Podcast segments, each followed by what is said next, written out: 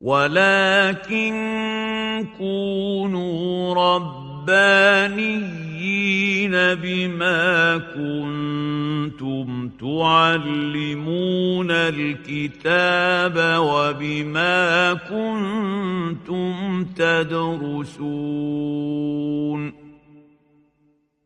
شيخ العمود وأهل العلم أحياء. تفسير سورة الأحزاب. مع الدكتور إبراهيم شعيب المحاضرة الثالثة. وقد انعقدت هذه المحاضرة يوم الثلاثاء بتاريخ الثاني والعشرين من أغسطس عام 2017 من الميلاد. الموافق الثلاثين من ذي القعدة عام 1438 من الهجرة. بعد صلاة العصر بمدرسة شيخ العمود بحي العباسية محافظة القاهرة. بسم الله الرحمن الرحيم والصلاة والسلام على سيدنا محمد وعلى آله وأصحابه ومن تبع هديه واستنى بسنته ودعا بدعوته إلى يوم الدين وسلم تسليما كثيرا. اللهم ارحمنا فأنت بنا راحم.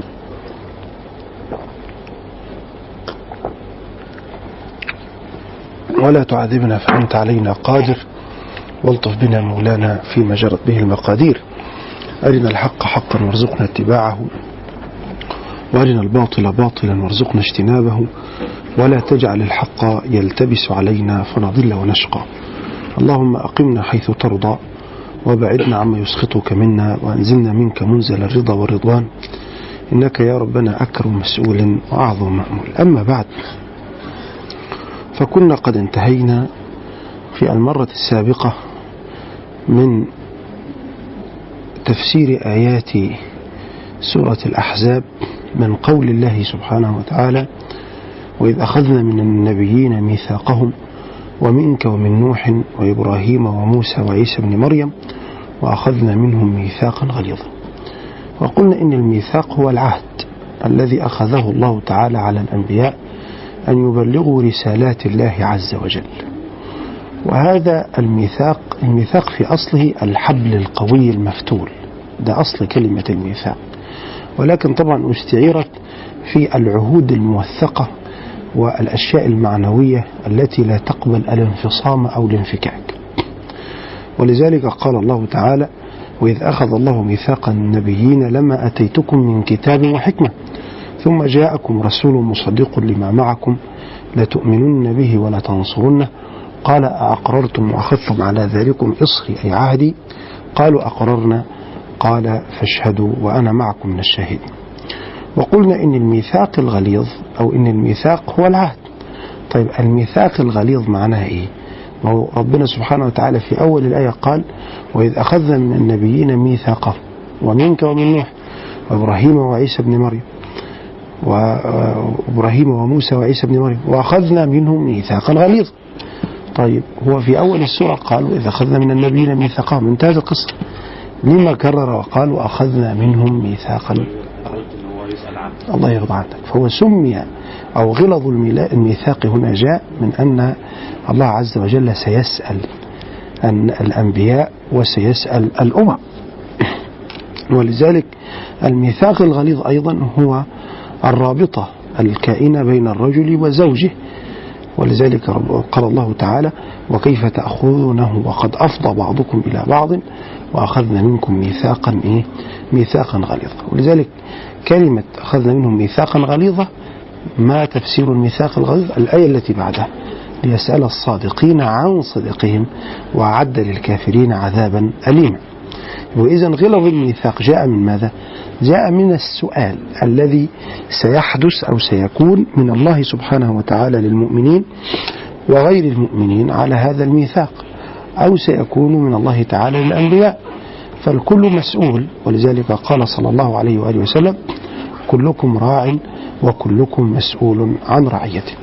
الإمام راع ومسؤول عن رعيته والزوجة راعية ومسؤولة عن رعيتها والرجل راع ومسؤول عن رعيته والكل مسؤول يوم القيامة. ولذلك قال الله تعالى ليسأل الصادقين عن صدقهم. فإذا كان الصادق الصادقون سيسألون عن صدقهم. يعني الصادق سيسأل. فما بالك بقى بالكذاب أو المنافق أو كذا؟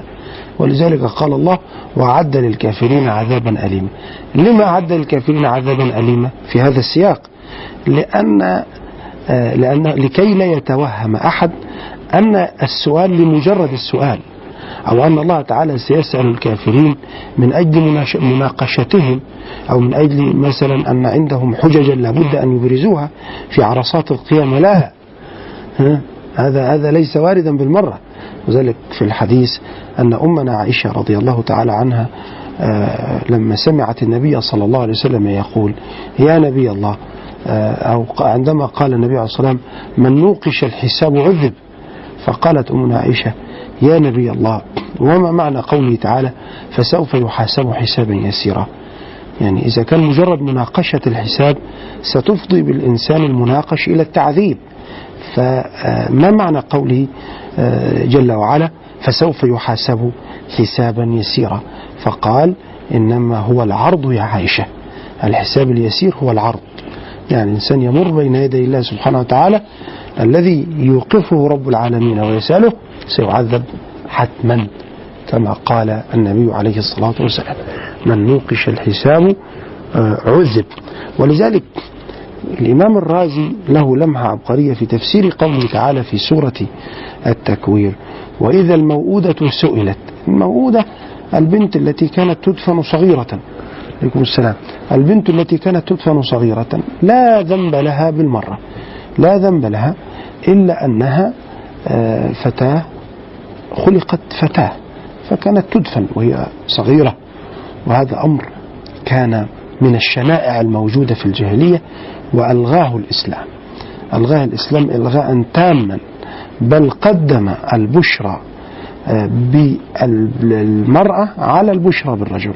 فقال جل ذكره يهب لمن يشاء إناثا ويهب لمن يشاء الذكور أو يزوجهم ذكرانا وإناثا ويجعل من يشاء عقيما مجرد ما كانت تزف البشرى للرجل أن امرأته قد أنجبت بنتا كان يصيبه الهم والغم والحزن. وهذا هو معنى قوله تعالى وإذا بشر أحدهم بالأنثى ظل وجهه مسودا وهو كظيم يتوارى من القوم من سوء ما بشر به يمسكه على هون أم يدسه في التراب. يعني لو أبقاها حية يلبسها جبة من الصوف ويجعلها ترعى الإبل في الصحراء حتى تأكلها الشمس.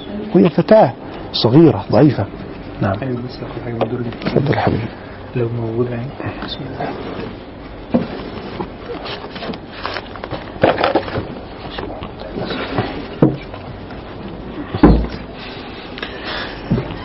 فكان تترك في الصحراء من أجل أن آه، تأكلها الشمس وتموت. يعني إن لم يقضي عليها قضاء مبرما يتركها لعوامل الطبيعة حتى تقضي عليه.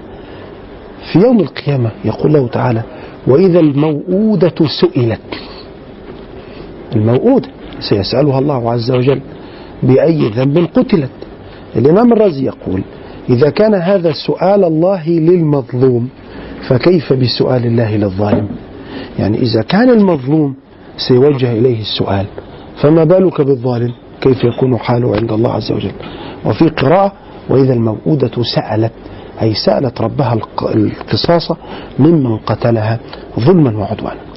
إذا ليسأل الصادقين عن صدقهم. وأعد للكافرين عذابا أليما. أي لكي لا يتوهم الكافرون أن ما سيحدث يوم القيامة أنه مجرد سؤال أو أن الله سيسمع كلامهم لا أعد للكافرين عذابا أليما هناك نتيجة لهذا الإيه؟ لهذا السؤال ولهذا الحساب. بهذه الآية الكريمة ينتهي الشوط الأول من السورة المباركة.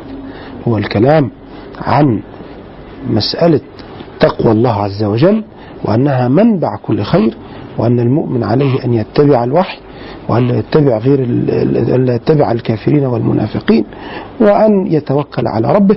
وقررت بعض الأحكام التشريعية الخاصة بالمجتمع المسلم وعلى رأسه إبراز حرمة البيت النبوي من أن أمهات المؤمنين هن زوجات رسول الله صلى الله عليه وآله وسلم. ثم دخلت السورة في قصة أخرى. وهي ما يتصل اتصالا وثيقا بعنوان السورة أو باسم السورة هو قضية سورة مسألة الأحزاب مسألة غزوة الأحزاب.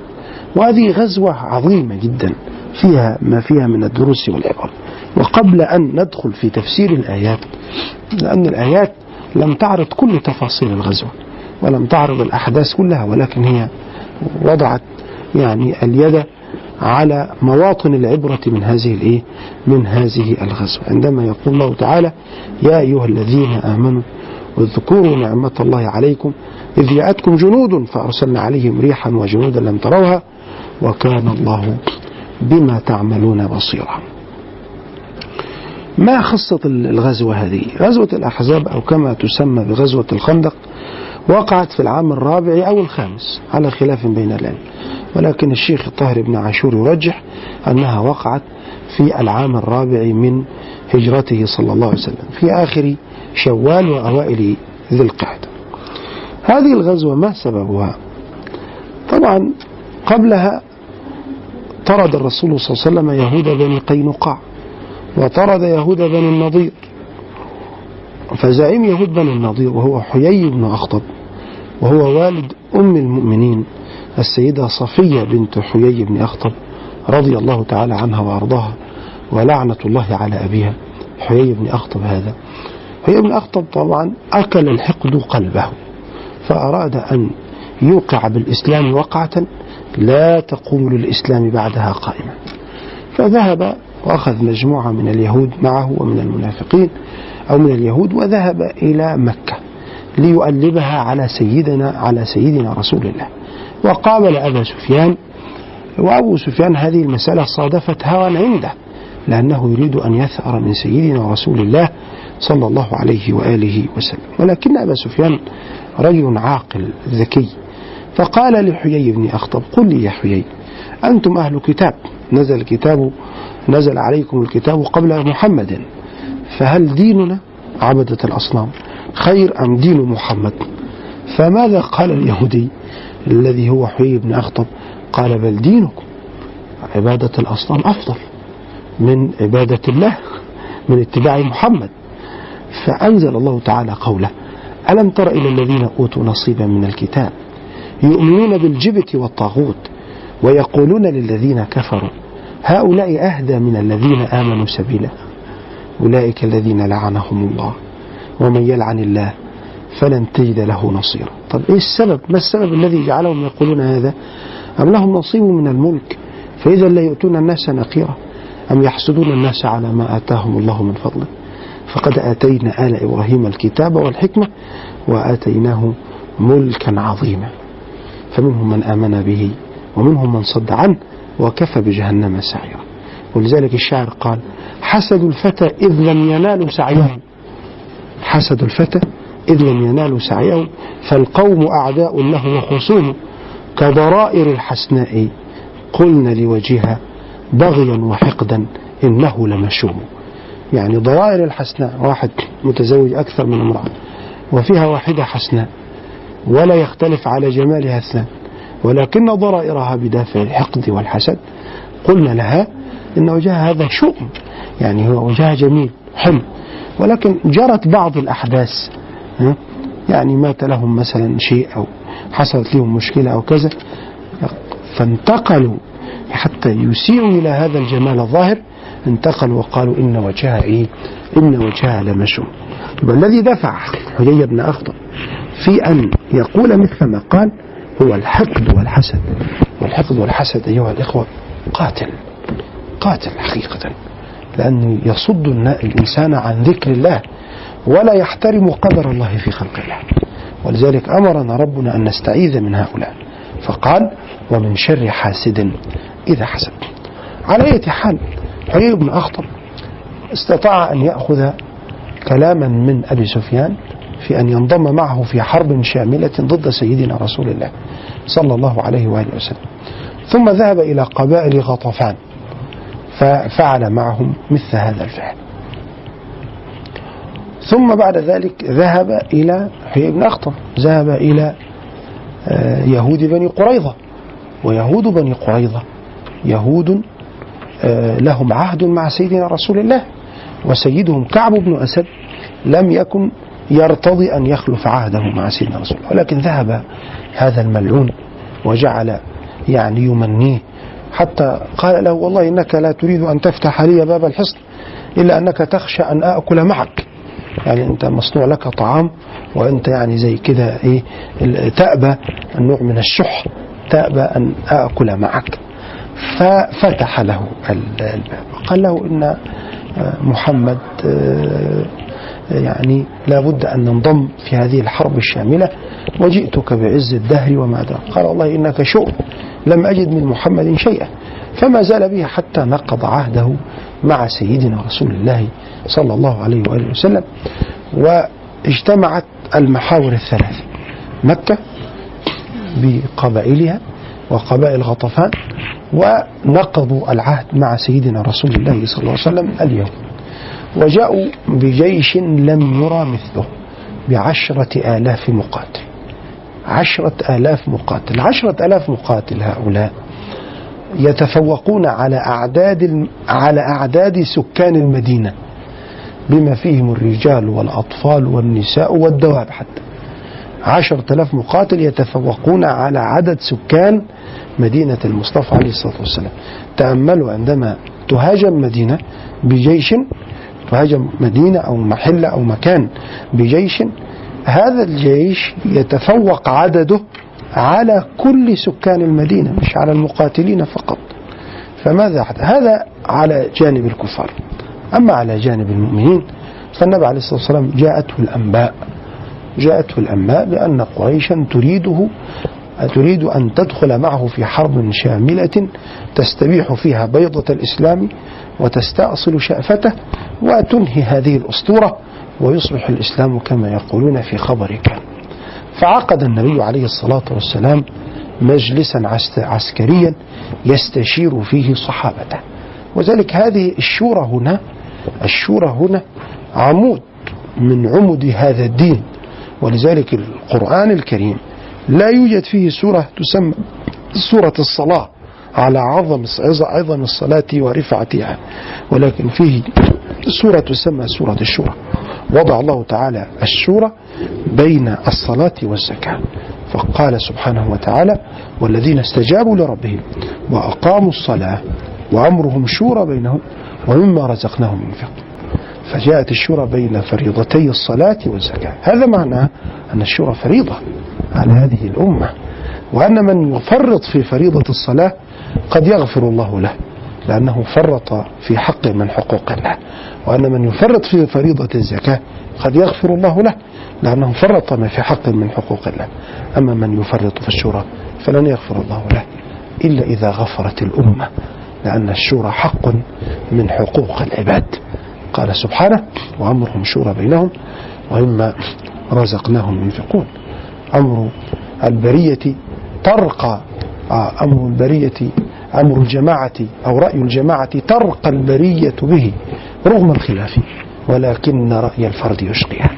مهما كان رأي الفرد صائب أيضا يشقيه. لما؟ لأن لو حصل انتصار برأي الفرد هذا سينسب له وحده فالناس يصبح فيها نوع من التبرم والتململ لأنها لم تساهم في ذلك الانتصار حتى ولو بالكلمة. وإذا عقد النبي مجلسا عسكري فبرز البطل الأول في المعركة. إحنا هنقسم المعركة دي أبطال البطل الأول في المعركة. من البطل الأول في المعركة؟ هو سيدنا سلمان الفارسي. سلمان الفارسي رضي الله تعالى عنه قصة إسلامه في عند الإمام أحمد في حديث في مسند أحمد يبين قصة إسلامه. أنه كان سادا من سدنة النار فلم تعجبه عبادة النار وذلك يسمونه الباحث عن الحقيقة. ثم بعد ذلك لما ترك عبادة النار ذهب لواحد من النصارى قسم من القساوسة وكان رجلا غير دين كان يأخذ الأموال ويجمعها ويكنزها. فلما مات بكاه الناس قال على ما تبكون؟ احفروا هنا فحفروا فأخرجوا الذهب فأحرقوا جثته ثم ذهب إلى رجل من آخر من النصارى وكان صالحا. فلما حضرته الوفاة قال لم يبق على ظهر الأرض مما أنا عليه الآن أحد. ولكن اقصد أرضا ذات نخل فإنها مهاجر نبي. فلما ذهب إلى المدينة وحصل أنه دخل في قافلة فباعته القافلة بيع العبيد. فتعرف على سيدنا الرسول لأن الرجل لما سأله سيدنا سلمان سأل ذلك القس وقال له وما علامته؟ قال أنه يقبل الهدية ولا يأكل الصدقة خاتم النبوة بين كتفيه. فجاء سيدنا سلمان ذهب إلى النبي بطعام ما هذا؟ قال صدقة. فقال أعطيه غيري. ثم في اليوم التالي ذهب إليه بطعام ما هذا؟ قال آه آه يعني آه هدية. فأكل منه وهكذا. ثم تعرف على خاتم النبوة أنهم كانوا يسيرون في جنازة فجعل يقترب من الرسول عليه الصلاة والسلام فالنبي أدرك ما الذي يروي إليه فكشف له عن ظهره فوجد خاتم النبوة بين كتفيه صلى الله عليه وآله وسلم. فسيدنا سلمان الفارسي خرج بهذه الفكرة العجيبة. قال يا رسول الله كنا إذا أردنا أن نحارب في فارس خندقنا ضربنا خندقا حولنا. فالخندق هذا يحول بيننا وبين العدو. وهذه الفكرة فكرة عسكرية نعم ولكن العرب لم تكن تعرفها. العرب تعرف الخيل عندما يصطدم بالخيل والسيوف عندما تصطك بالسيوف. أما هذه الخطط الاستراتيجية العسكرية لم تكن العرب تعرفها. هذا هو. فكانت فكرة جديدة باغتة العدو. إنما العرب يعرفون الخيل. يعني عندما يقول عنترة هل سألت الخيل يا ابنة مالك؟ إن كنت جاهلة بما لم تعلمي إذ لا أزال على رحالة سابح مهد تعاوره الكمات مكمات مكلم. والخيل تقتحم الغبار عوابثا ما بين شيظمة وأجرد شيظم. كل هذا وصف للخيل وللمعركة التي تدور مواجهة. أما مسألة التحصينات والكمائن والخن والخنادق كل هذه لم يكن العرب يعرفونها. فجاء سيدنا سلمان رضي الله تعالى عنه وارضاه. سيدنا سلمان في ذلك الوقت تعرفون كم كان عمره؟ لا هذا كان 120 سنة في ذلك الوقت. كان 120 عاما نعم. نعم. حاجة و30 امال هو عاش عند النار قد إيه وعاش مع الاولاني إيه من. من النصارى وعاش مع الثاني إيه. في آخر حياته. آه. رضي الله تعالى عنه. فكان يحفر الخندق وعمره 120 عاما هذا هو. سيدنا سلمان الفارسي رضي الله تعالى عنه وأرضاه اقترح هذا الاقتراح. طيب ننفذ الاقتراح. المدينة بين حرتين. بين حرة في الشمال وحرة في الجنوب. تسمى حرة اسمها حرة واقم وحرة اسمها حرة الوبرة. بين حرتين. يبقى هذه هنا محصنة من هذا محصنة من هذا. في الظهر ظهر المدينة من هنا ده بنو قريظة دول في الجنوب الشرقي. يبقى إذا معذرة الحرة في الشرق وحرة في الغرب. وبعدين في الظهر من هنا كده في الجنوب جنوب المدينة جنوب الشرق منها يعني قريب للشرق اليهود يهود بني قريظة باقي الشمال. وأنا لما رحت المدينة في عمرة رحت المكان ده بقى وتصورته. فالشمال الشمال ده هو المكان الذي ليس فيه ما يمنع العدو من الدخول على المسلمين. ولكن الرسول صلى الله عليه وسلم جعل جبل سلع في ظهره وحفر الايه الخندق وكان الوقت وقت شتاء وبرد وجوع خوف فحفروا الخندق. قسوا نعم. حفروا من الجهة الفارغة اللي هي ما عندهاش أقصى. نعم. حفروا من الجهة الفارغة اللي هي ما فيهاش حصون آه. ما هو ده ده الخ- الخطة الاستراتيجية يعني هو المدينة محمية من الشرق بحرة الوبرة أو بحرة واقع ومن الغرب بحرة الوبرة ومن الجنوب الشرقي آه اليهود بني قريظة لم يبقى إلا الشمال. الشمال ده هو المكان الذي سيدخل الكفار منه على سيدنا رسول الله عليه الصلاة والسلام. فحفروا الخندق. وكانت الخندق. وزعوا وزعوا يعني مساحات الخندق على بعضهم البعض. تأملوا سيدنا سلمان كان يبلغ هذا العمر وكان يحفر الخندق مع سيدنا رسول الله صلى الله عليه وآله وسلم. كان يحفر الخندق يحفرون الخندق كان يغنوا هم بيحفروا الخندق؟ يقول والله لولا الله ما اهتدينا ولا تصدقنا ولا صلينا فأنزل سكينة علينا وثبت الأقدام إذ لاقينا. النبي عليه الصلاة والسلام كما في رواية البخاري يقول ولا صلينا يرددها هكذا.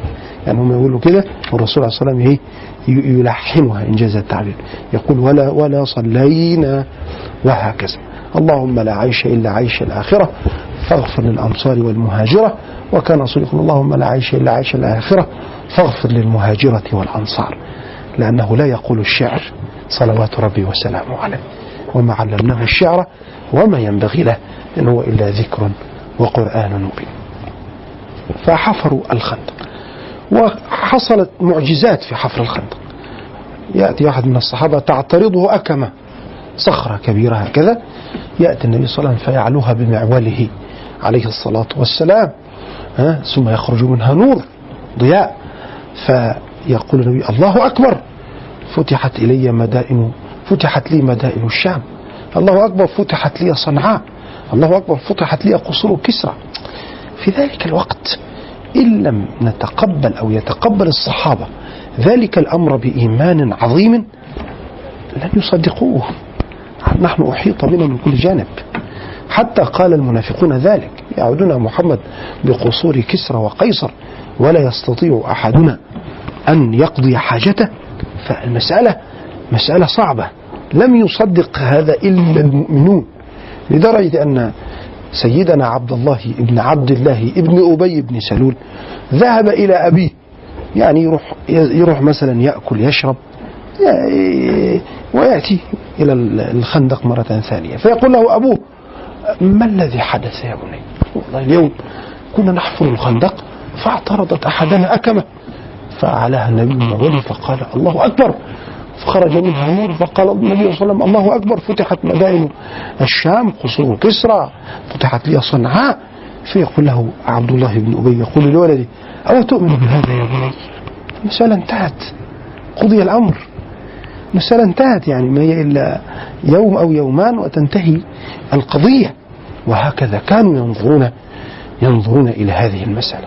فجاءوا وأحاطوا بالمدينة من كل حدب وسبب فظهر هذا البطل العملاق سيدنا سلمان الفارسي رضي الله تعالى عنه بهذه الفكرة العجيبة.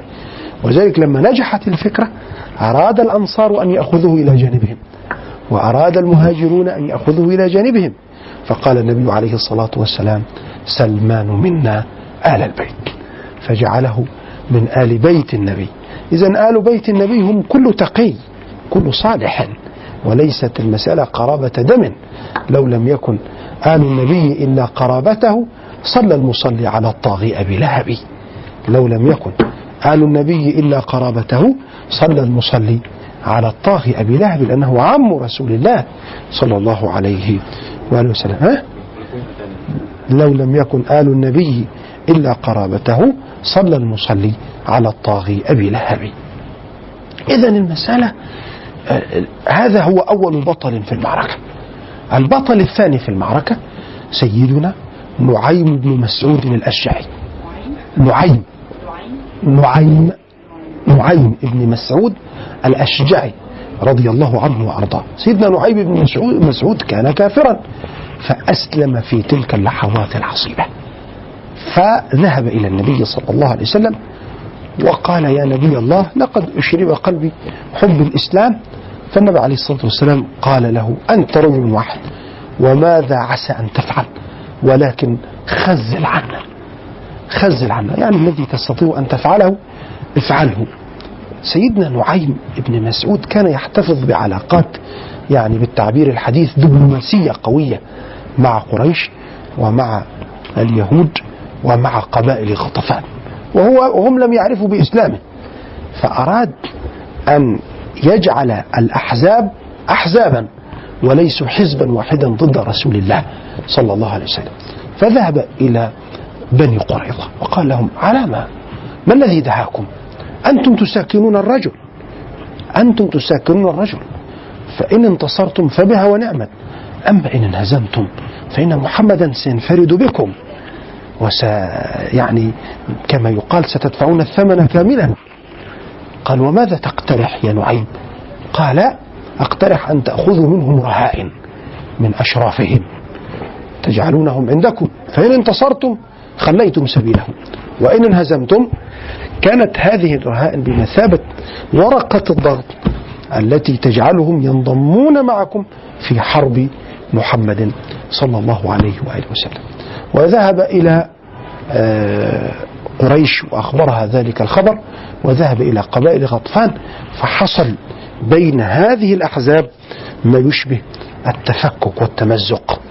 وأصبح كل إنسان بدل أن يفكر في نتيجة المعركة واستئصال شأفة الإسلام بدأ يفكر في موقفه هو ما الذي سيحصله هو؟ لما؟ لأنهم لم يعودوا يصدرون عن رأي واحد. وهذا هو الذي فعله سيدنا نعيم بن مسعود الأشعري رجل واحد. ولذلك الإنسان لا يستصغر شيئا.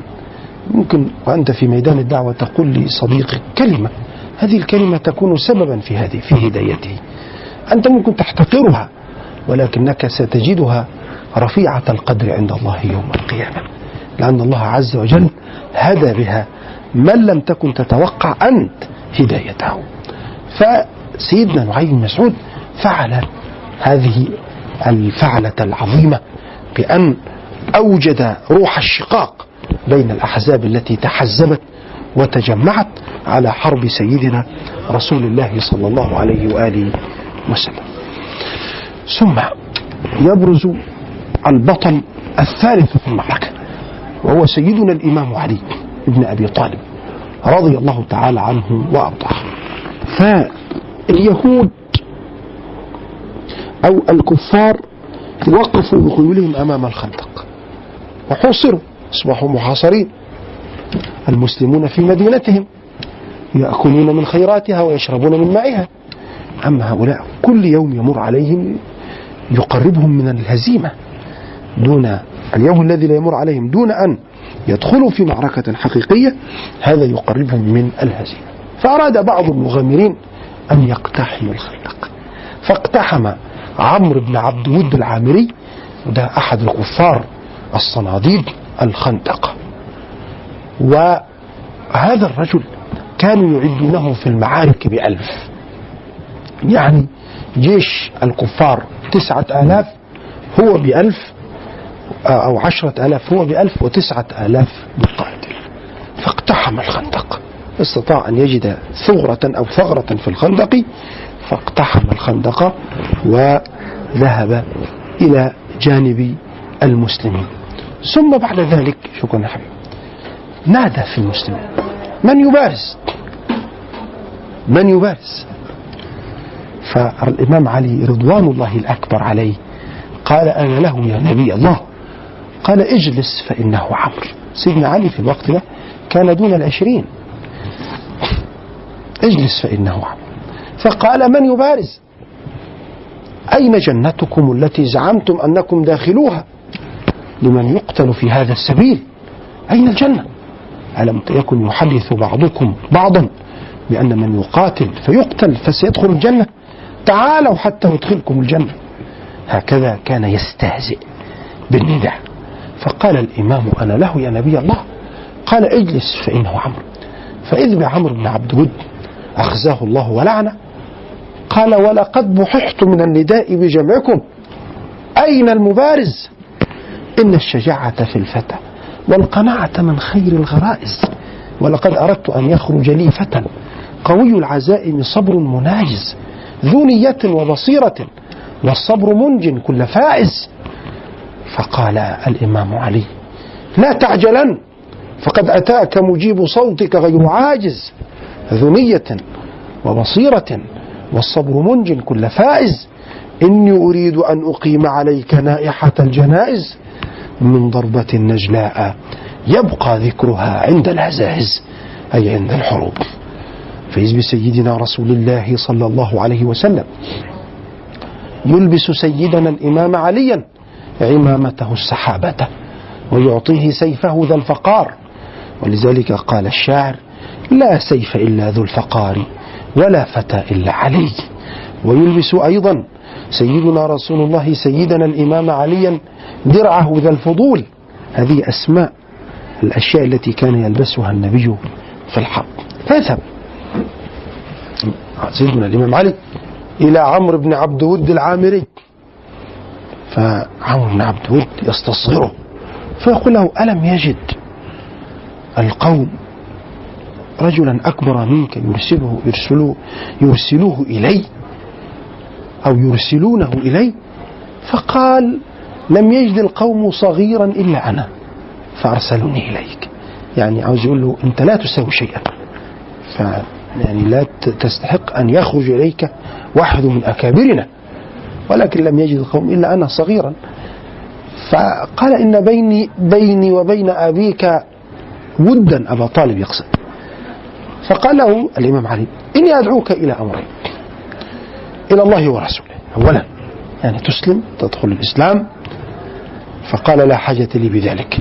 قال إذا أدعوك إلى النزال. تقاتلني. فنزل عمرو بن عبد بن عبد ود العامري من على جواده وعقر جواده. ضرب جواده بالسيف. ثم انبر إلى الإمام علي. ضربه. بعد المبارزة. ضرب الإمام عليا ضربة وصفها الواصفون كأنها شعلة نار. هوى بالسيف على الإمام علي لدرجة أن هذه هذا الشكل كأنه شعلة نار سقطت على الإمام علي رضي الله تعالى عنه وأرضاه. لدرجة أن هباءة الضربة أخطأت الإمام عليا في وجهه فشقت جلد وجهه شقا رقيقا. فاتقاها الإمام رضي الله عنه بدرقته هو الشيء الدائري الذي يتقي به المحارب ضربات السيوف. ولكن القدر عاجل عمرا. فثبت سيف عمرو في درقة الإمام. يعني كأنك عندما مثلا تقطع قطعة خشبية بآلة بآلة حديدية فيثبت فيها. فتستطيع تريد أن تستنصلها من الإيه؟ من القطعة الخشبية فما تستطيع. فثبت سيف الإمام سيف عمرو بن عبد ود في درقة الإمام علي. فاهتبل الإمام علي رضي الله تعالى عنه الفرصة وضربه على عاتقه فخر صريعا مجندلا. فقال الله أكبر. فلما سمعها النبي قال قتل الشرك! والله يا علي لو لم يكن لك في الإسلام إلا هي لكفتك أي لدخلت بها الجنة.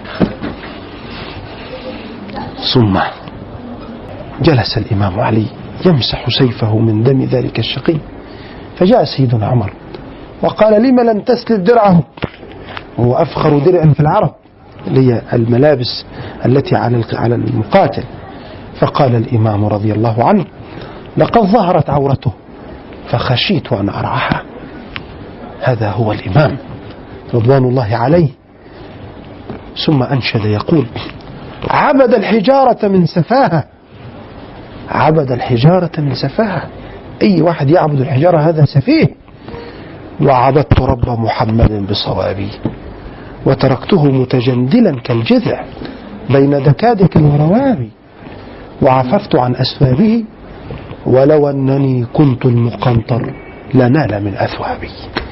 يعني أنا لو أنا الميت كان هو الذي جردني من ملابسي ولكن لم. لم أفعل لأنه انتهت المسألة. قال العارفون فأن عليا لما ضرب عمرا حسد في ذاته. فقالوا أشد ضربة أو أعظم ضربة في الإسلام ضربة علي لعمرو وأسوأ ضربة في الإسلام ضربة ابن ملجم لعلي. ولذلك أخت عمرو بن عبدود كانت تعزي نفسها. بأن أخاها قد قتل بسيف الإمام. ولذلك كانت تقول لو كان قاتل عمرو غير قاتله يعني غير الإمام علي لظللت أبكيه إلى الأبد. ولكن تعزيتي وسلوتي أن الذي قتل عمرو بن عبد ود عمرو بن عبد ود هو سيدنا الإمام علي. رضي الله لا لم لم لم أتتبع. آه. سيدنا الإمام علي رضي الله تعالى. هذه الضربة كانت فارقة. ولذلك قال له النبي لو لم يكن لك في الإسلام إلا هي لكفتك إلا لدخلت بها الجنة. ولذلك عدت ضربات الإمام علي من القضاء المبرم ومن المصائب التي لا راد لها. فلما هلك كبيرهم الذي علمهم السحر فهذا أحدث نوعا من الهبوط المعنوي عند الإيه؟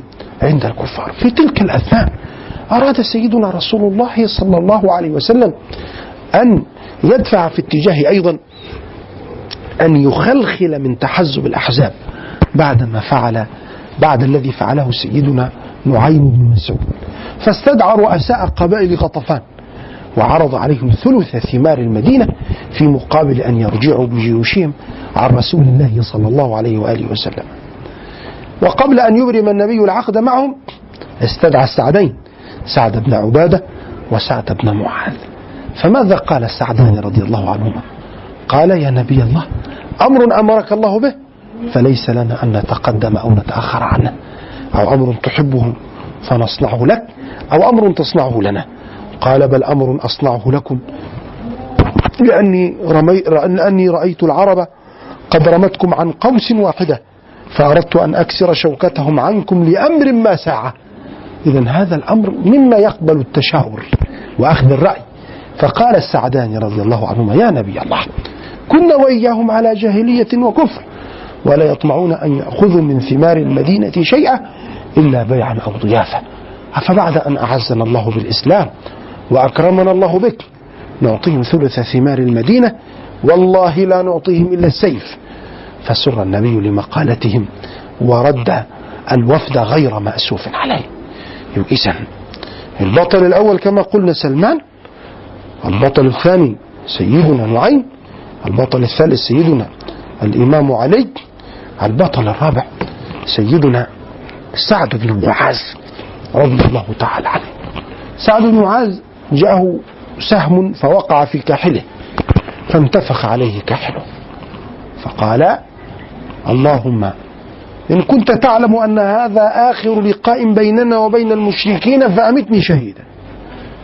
وإن كنت تعلم أن هناك لقاءات فلا تمتني ولا تمتني حتى تقر عيني من بني قريظة وسنعرف ما الذي سيفعله سيدنا سعد بن معاذ بعد ذلك في بني قريظة إذا هذا هو البطل الرابع في المعركة. البطل الخامس في المعركة سيدنا حذيفة بن اليمان أمين سر النبي. صلى الله عليه وآله وسلم والذي أعطاه رسول الله صلى الله عليه وسلم أسماء المنافقين. بل أكثر من ذلك ألقى الله تعالى على أنفه رائحة المنافقين. من اليمان؟ هكذا سمعت من مشايخي والله. بس لابد ليه؟ لأنه المنافقين نزلت قيمة ما هو في منافقين على طول كتير. ها؟ فأنا هيعرفهم زي سيدنا حذيفة بعد كده.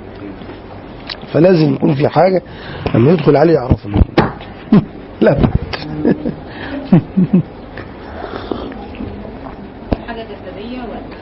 رائحة ربنا وضعها هي كانت في عند الرسول ثم نقلت إلى أنف سيدنا حذيفة بن اليمن. فيدخل في الجلسة مجموعة داخلة فيشم رائحة فلان يعرف أنه من هؤلاء. وصل في الرسول صلى الله عليه وسلم. نسأل الله أن يثبتنا على الإيمان.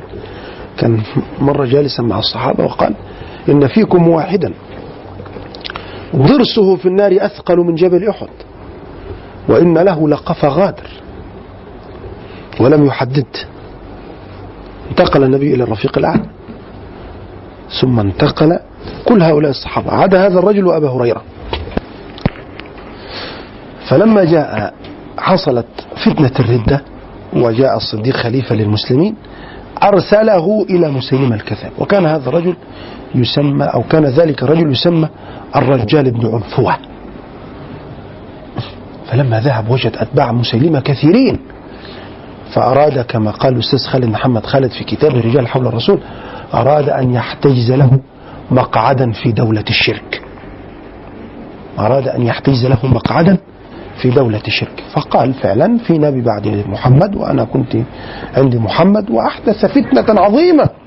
تخيل أن مبعوث أبو أبو أن مبعوث أبي بكر الصديق ينقلب عليه ويقول إنه ده نبوته نبوة صحيحة لدرجة أن أتباع مسيلمة زادوا في ذلك اليوم من ثلاثين ألفا إلى تسعين ألفا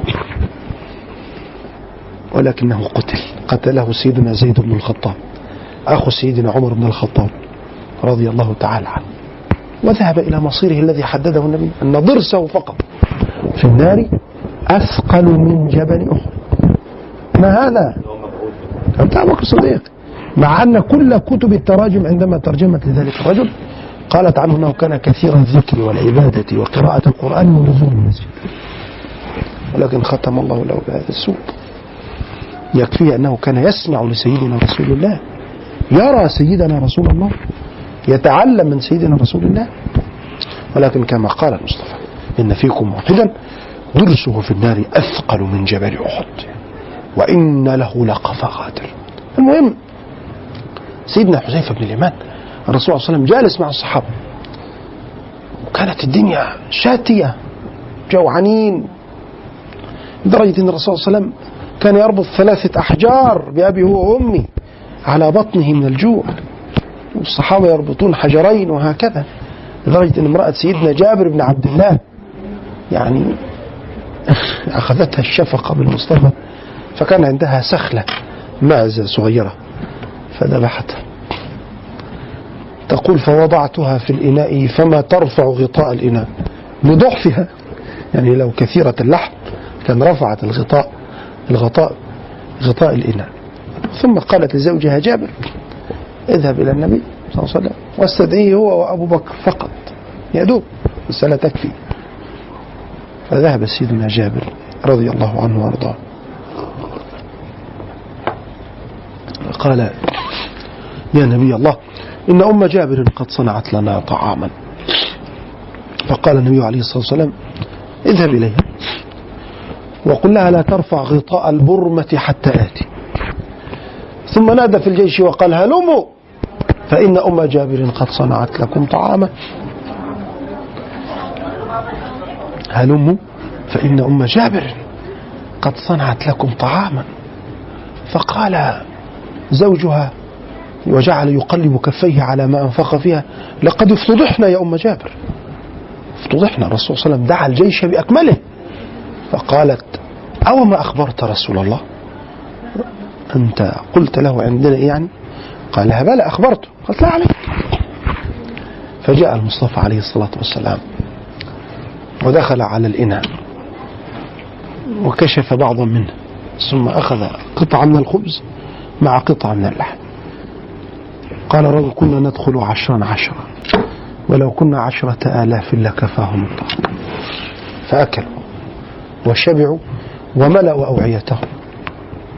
جاءت السيدة امرأة جابر بن عبد الله وأمسكت بثياب النبي وقالت والله يا نبي الله لن أدعك تمر من هنا حتى تصلي علي. أي تدعو له فقال النبي عليه الصلاة والسلام اللهم صل على جابر وآل جابر. ولذلك الشيخ محمود خطاب السبكي يقول صلوا على من قد شفى بالريق عين الضرير ولدغة الصديق وأعاد طعم الماء مثل رحيق إذ مج فيه العنبر المختومة صلوا عليه وسلموا تسليما. صلوا على من كلمته ذراع وبفضله كفت المئين الصاع والجزع حن له والجذع حن له وما الأجذاع بأرق منا أنفسا وفهوما صلوا عليه وسلموا تسليما. وذلك من السنة إن الواحد لما يجيب الطعام مش يقعد يعده يعني. يعني واحد يشتري كيلو لحمة يوم يعد في في أربع قطع في خمس قطع هذا يذهب بركة الطعام. ولكن يأتي بالشيء ويطبخه وسيبارك الله فيه. وهكذا. ولذلك السيدة عائشة تقول مات رسول الله صلى الله عليه وسلم وترك لي وقرا من شعير فجعلت آكل منه زمنا طويلا. آخذ وأطحن وآكل. فكلته ففني. قلت يعني قلت في نفسي ما الذي بقي من هذا؟ فكلته إيه؟ ففني. هذا هو. وده الذي قاله النبي لامرأة لجابر. قل لامرأتك لا ترفع غطاء البرمة حتى آتي. يعني لا تترك الشيء كما إيه؟ تترك الشيء كما. ولذلك هم من معجزاته صلى الله عليه وسلم تكثير الطعام. بل من معجزاته أيضا أن يسقي الجيش من الماء الذي ينبع من بين أصابعه الشريفة صلى الله عليه وسلم. ولذلك أفضل الماء ماء قد نبع من بين أصابع النبي المتبع. يليه ماء زمزم يليه ماء زمزم فالكوثر فنيل مصر ثم باقي الأنهر فقال النبي للصحابة من يذهب في القوم ويأتيني بأخبارهم يكون رفيقي في الجنة. انظروا إلى هذه الجائزة ولم يقم أحد. لم يقم أحد. لهول الموقف. ولذلك واحد من التابعين يقول لسيدنا حذيفة لو كنا مع النبي كنا فعلنا. فقال اصمت والله قد رأيتنا مع النبي يوم الأحزاب أحزاب. وقال من يذهب في القوم ويأتيني بأخبارهم يكون رفيقي في الجنة فما قام أحد. ف... احمد الله على ما أنت فيه. فكلف النبي سيدنا حذيفة بن اليمان. هذا التكليف هكذا. التكليف النبوي هكذا. قال اذهب في القوم وأتيني بأخبارهم ولا تحدثن أمرا حتى ترجع لي. يبقى إذا المهمة محددة. لا تزد عليه فذهب سيدنا حذيفة رضي الله عنه واندس في القوم. ذهب سيدنا حذيفة واندس في القوم. فأبو سفيان داهية. وقف في الناس خطيبا وقال قبل أن أتكلم كل منكم يتعرف على جليسه. لأنه يخشى أن يتسرب أحد إلى معسكره فيتحسس الأخبار ويتلقط الأخبار. فقال سي قام سيدنا حذيفة قال وأسرعت وقلت لمن على يميني من أنت؟ قال معاوية بن أبي سفيان ولمن على يساري من أنت؟ قال عمرو بن العاص. هم أذهلتهم المفاجأة فلم يقول لي من أنت. فقام أبو سفيان خطيبا وقال لقد هلك الخف والحافر. الخف يعني الجمال والحافر يعني الفرس. هلك الخف والحافر. لأن الله تعالى أرسل رياحا شديدة خلعت خيامهم وكفأت قدورهم. يعني واضعين قدور يطبخون فيها اللحوم. راحت وأطفأت نيرانهم وبعثرت أمتعتهم. ثم قال هلك الخف والحافر وليست الدار دار مقام فارحلوا وأنا أولكم خلاص خذوا قرار بأن يرجع الجيش أدراجه إلى مكة مرة ثانية. ثم ركب ناقته وهي معقولة يعني مربوط عقالها. وهذا مما يدل على أن أبا سفيان لم يكن عنده حضور عقل في أن يفك عقال ناقته. يقول سيدنا حذيفة رضي الله عنه وأرضاه فأخرجت قوسي ووترتها وجعلت السهم في كبدها وأردت أن أقتل أبا سفيان. فرصة متاحة. ولكني تذكرت قول النبي لا تحدثن أمرا حتى ترجع لي. انظروا إلى بركات أمر المصطفى. لو كان قد قتله لمات على الكفر. ولكن قدر الله أن يكون أبو سفيان من المؤمنين. فرجع قال فوجدت النبي مستغرقا في صلاته. ما هذه العظمة؟ وكانت الليلة ليلة شاتية فأحس بي. ففرج لي بين رجلي فجلست بينهما فجعل الرفء ينبعث من بين رجليه الشريفتين. ووضع علي مرطل يعني ثوب هكذا حتى أخذني النوم فقال الصبح بقى لما أخذوا النوم قم يا نومان. يعني أنت نمت كثيرا. فهنا ده البطل الخامس في هذه الإيه؟ في هذه المعركة سيدنا حذيفة ابن اليمن وبهذا انقضت المعركة تماما بالهزيمة المنكرة لهؤلاء الكفار وأراد النبي عليه الصلاة والسلام أن يرجع إلى المدينة. فمر الرسول صلى الله عليه وسلم سائر في المدينة فوجد جبريل. قال يا محمد خلعت لأمة الحرب أي عدة القتال إن الملائكة لم تخلع لأمتها. الملائكة ما زالت في حالة استنفار قصوى. اذهب إلى بني قريظة تكليف إلهي اذهب إلى بني قريظة. فواحد فالنبي صلى الله عليه وسلم على طول أصدر الأمر النبوي من كان سميعا مطيعا فلا يصلين العصر إلا في بني قريظة. فخرج الصحابة. طبعا تعرفون القصة أن فريقا منهم صلى وفريقا لم يصلي. الفريق الذي صلى اعتمد على أن الصلاة موقوت كتابها بالقرآن. إن الصلاة كانت علينا كتابا موقوتا وأن هذا الأمر ما هو إلا استعجال لنا لكي نذهب إلى بني قريظة الفريق الذي لم يصلي قال إلا في بني قريظة فذهب النبي فذهب لما ذهبوا إلى النبي أقر النبي الفريقين. الفريق الذي صلى والفريق الذي لم يصلي. لما أقر النبي الفريقين؟ لما؟ لأن المسألة تشتمل على أمرين على زمان ومكان. فمن نظر إلى الزمان وإلى غروب الشمس صلى ومن نظر إلى المكان وإلى بني قريظة لم يصلي إذا فريق أخذ الزمان وفريق أخذ المكان فاستويا فأقر النبي صلى الله عليه وآله وسلم الفريقين. إلا في بني قريظة. ذهب وحاصر بني قريظة. ثم بعد ذلك أرسل إليهم أبا لبابة. فقال ما الذي يريده صاحبك؟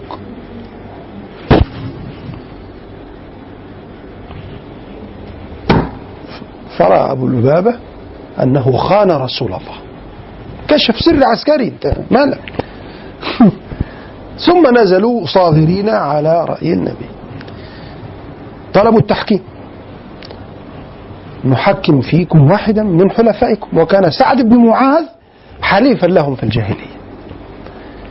ولأول مرة في تاريخ الدنيا كلها يسمح سيدنا رسول الله للمتهم أن يختار قاضيه تأملوا هذا؟ هل هذا يوجد في أي محكمة من المحاكم؟ أن المتهم يختار قاضيه يختار القاضي الذي سيحكم عليه. تختارون من؟ قالوا نختار سعد بن معاذ فسيدنا سعد قال أنا لسعد بن معاذ ألا تأخذه في الله لومة لائم. قال أحكم بقتل الرجال وسبي النساء. واحد بيطلع على التلفزيون يقول لك إيه؟ فين الرحمة بتاعت النبي؟ الكلام ده كله في صحيح البخاري اللي أنا بقوله. فين الرحمة؟ يقتل الناس دي. طيب هو حضرتك دلوقتي لما حد يرتكب جريمة الخيانة العظمى ويتآمر على الوطن ناهيك عن الدين ماذا تصنع معه؟ ماذا تصنع معه؟ ألا تقتله؟ هؤلاء في في الحرب في الحرب نقضوا العهد نقضوا الدستور الذي بينهم وبين رسول الله صلى الله عليه وآله وسلم. فقال النبي حكمت فيهم حكم الله يا سعد من فوق سبع سماوات. ثم اشتد عليه مرضه فمات. في الحال ولم يكن النبي يعلم. فنزلت جبريل وقال يا محمد من الذي مات وقد اهتز له عرش الرحمن؟ وشيعت الملائكة جنازته رضي الله تعالى عنهم وأرضاه. هذه هي الغزوة كما حكتها كتب السير. تعالوا بنا نعيش مع آيات القرآن أو مع الغزوة كما حكاها القرآن. يا أيها الذين آمنوا اذكروا نعمة الله عليكم. اذكروا نعمة الله عليكم. هذه من النعم الكبرى أن الله عز وجل في وقت المحن والبلايا ينصر دينه. لأن المستهدف في ذلك الوقت كان الإسلام. وربنا حاميه. لأن النبي عليه الصلاة والسلام قال إن الله تعالى يغرس لهذا الدين بكلتا يديه وكلتا يديه يمين يا أيها الذين آمنوا اذكروا نعمة الله عليكم. إذ جاءتكم جنود. يقصد بهم جنود الكفار. فأرسلنا عليهم جنودا. ولكن جنود هنا غير الجنود هنا. الجنود هؤلاء طائفة من الملائكة. ولذلك في طائفة من الملائكة مخصصة. جيش من الملائكة مخصص للقتال مع المؤمنين. قوام هذا الجيش تسعة آلاف. تسعة آلاف مقاتل من الملائكة. ولقد نصركم الله ببدر وأنتم أذلة فاتقوا الله لعلكم تشكرون. إذ تقول للمؤمنين ألن يكفيكم أن يمدكم ربكم بثلاثة آلاف من الملائكة منزلين بلى. إن تصبروا وتتقوا ويأتوكم من فورهم هذا يمددكم ربكم بخمسة آلاف من الملائكة مسومين ث- ثلاثة زائد خمسة ثمانية. وهناك في سورة الأنفال أني ممدكم بألف من الملائكة مردفين. تسعة ألاف مقاتل. أي جيش يقاتل تحت لواء لا إله إلا الله ومن أجل نصرة لا إله إلا الله هذا الجيش من الملائكة يقاتل معه. إذ أرسلنا عليه يا أيها الذين آمنوا واذكروا نعمة الله عليكم إذ أرسلنا إذ جاءتكم جنود فأرسلنا عليهم ريحا. في ريح ورياح. الريح إن أفردت في القرآن فهي لشر وإن جمعت فهي لخير. قال تعالى وفي عاد إذ أرسلنا عليهم الريح العقيم. ما تذر من شيء أتت عليه إلا جعلته كرما. والريح جند من جنود الله. يسخرها الله تعالى لمن شاء. قال تعالى ولسليمان الريح غدوها شهر ورواحها شهر وأسلنا له عين القطر ومن الجن من يعمل بين يديه بإذن ربه ومن يزغ منهم عن أمرنا. نذقه من عذاب السعير. دي شر نعم. ما هو سخر سخر له الريح. فسيدنا سليمان استخدمها في آه، محاربة أعدائه فهي شر عليه. وإذا ولذلك الريح هذه من آيات الله. إن يشاء يسكن الريح فيظللن رواكد على ظهره. إن في ذلك لآيات لكل صبار إيه؟ شكور ولذلك عندما تجمع. كلمة الريح تكون لخير.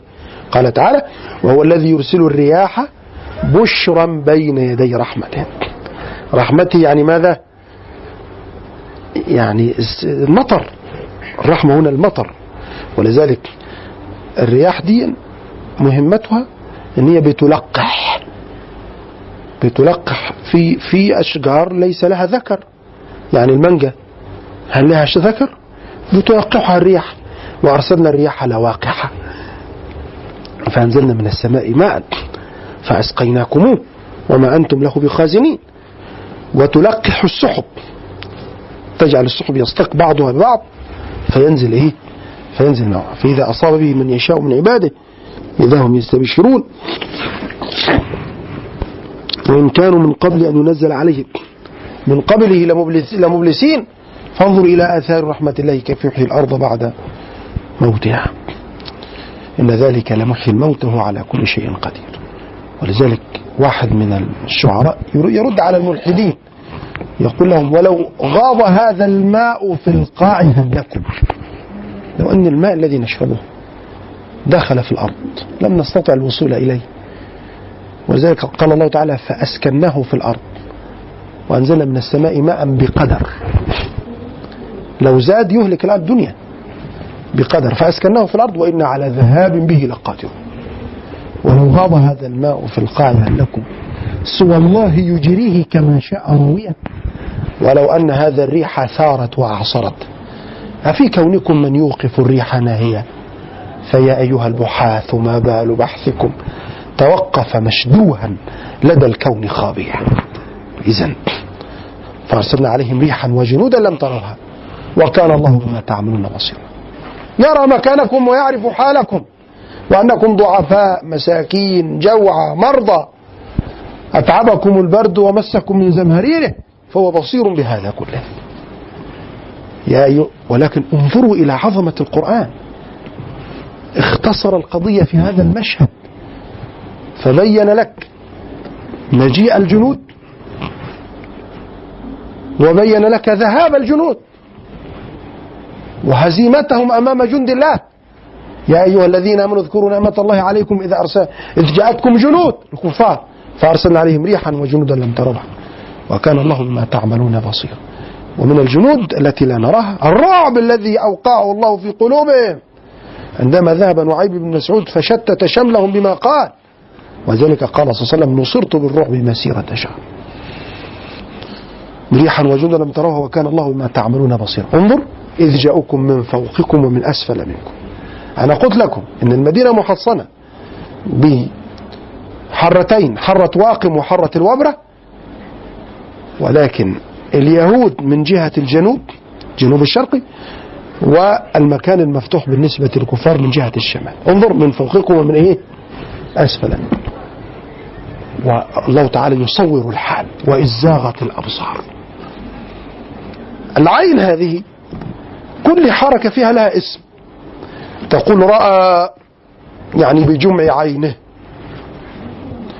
طيب. ولمح بمؤخرة موقه أنا لمحت. طب ورمق. يقول لك هذا رمقه بالحتة دي. يبقى كل حركة للعين لها اسم. العين هنا مش مستقرة. وازداغت الأبصار وبلغت القلوب الحنجر الحنجرة هي آخر الحلقوم دي الحنجرة وهي أول الغلاصل. ولذلك الإنسان لما تجد حد بيذبح حد من الناس يقول لك حزت غلاصمه. يعني الأماكن التي؟ مميتة عروق لو قطعت يموت.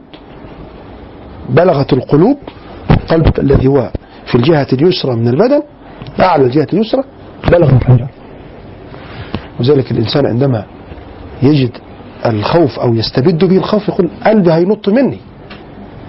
وسبحان الله القلب ده دي شيء شعوري. هذا شيء شعوري.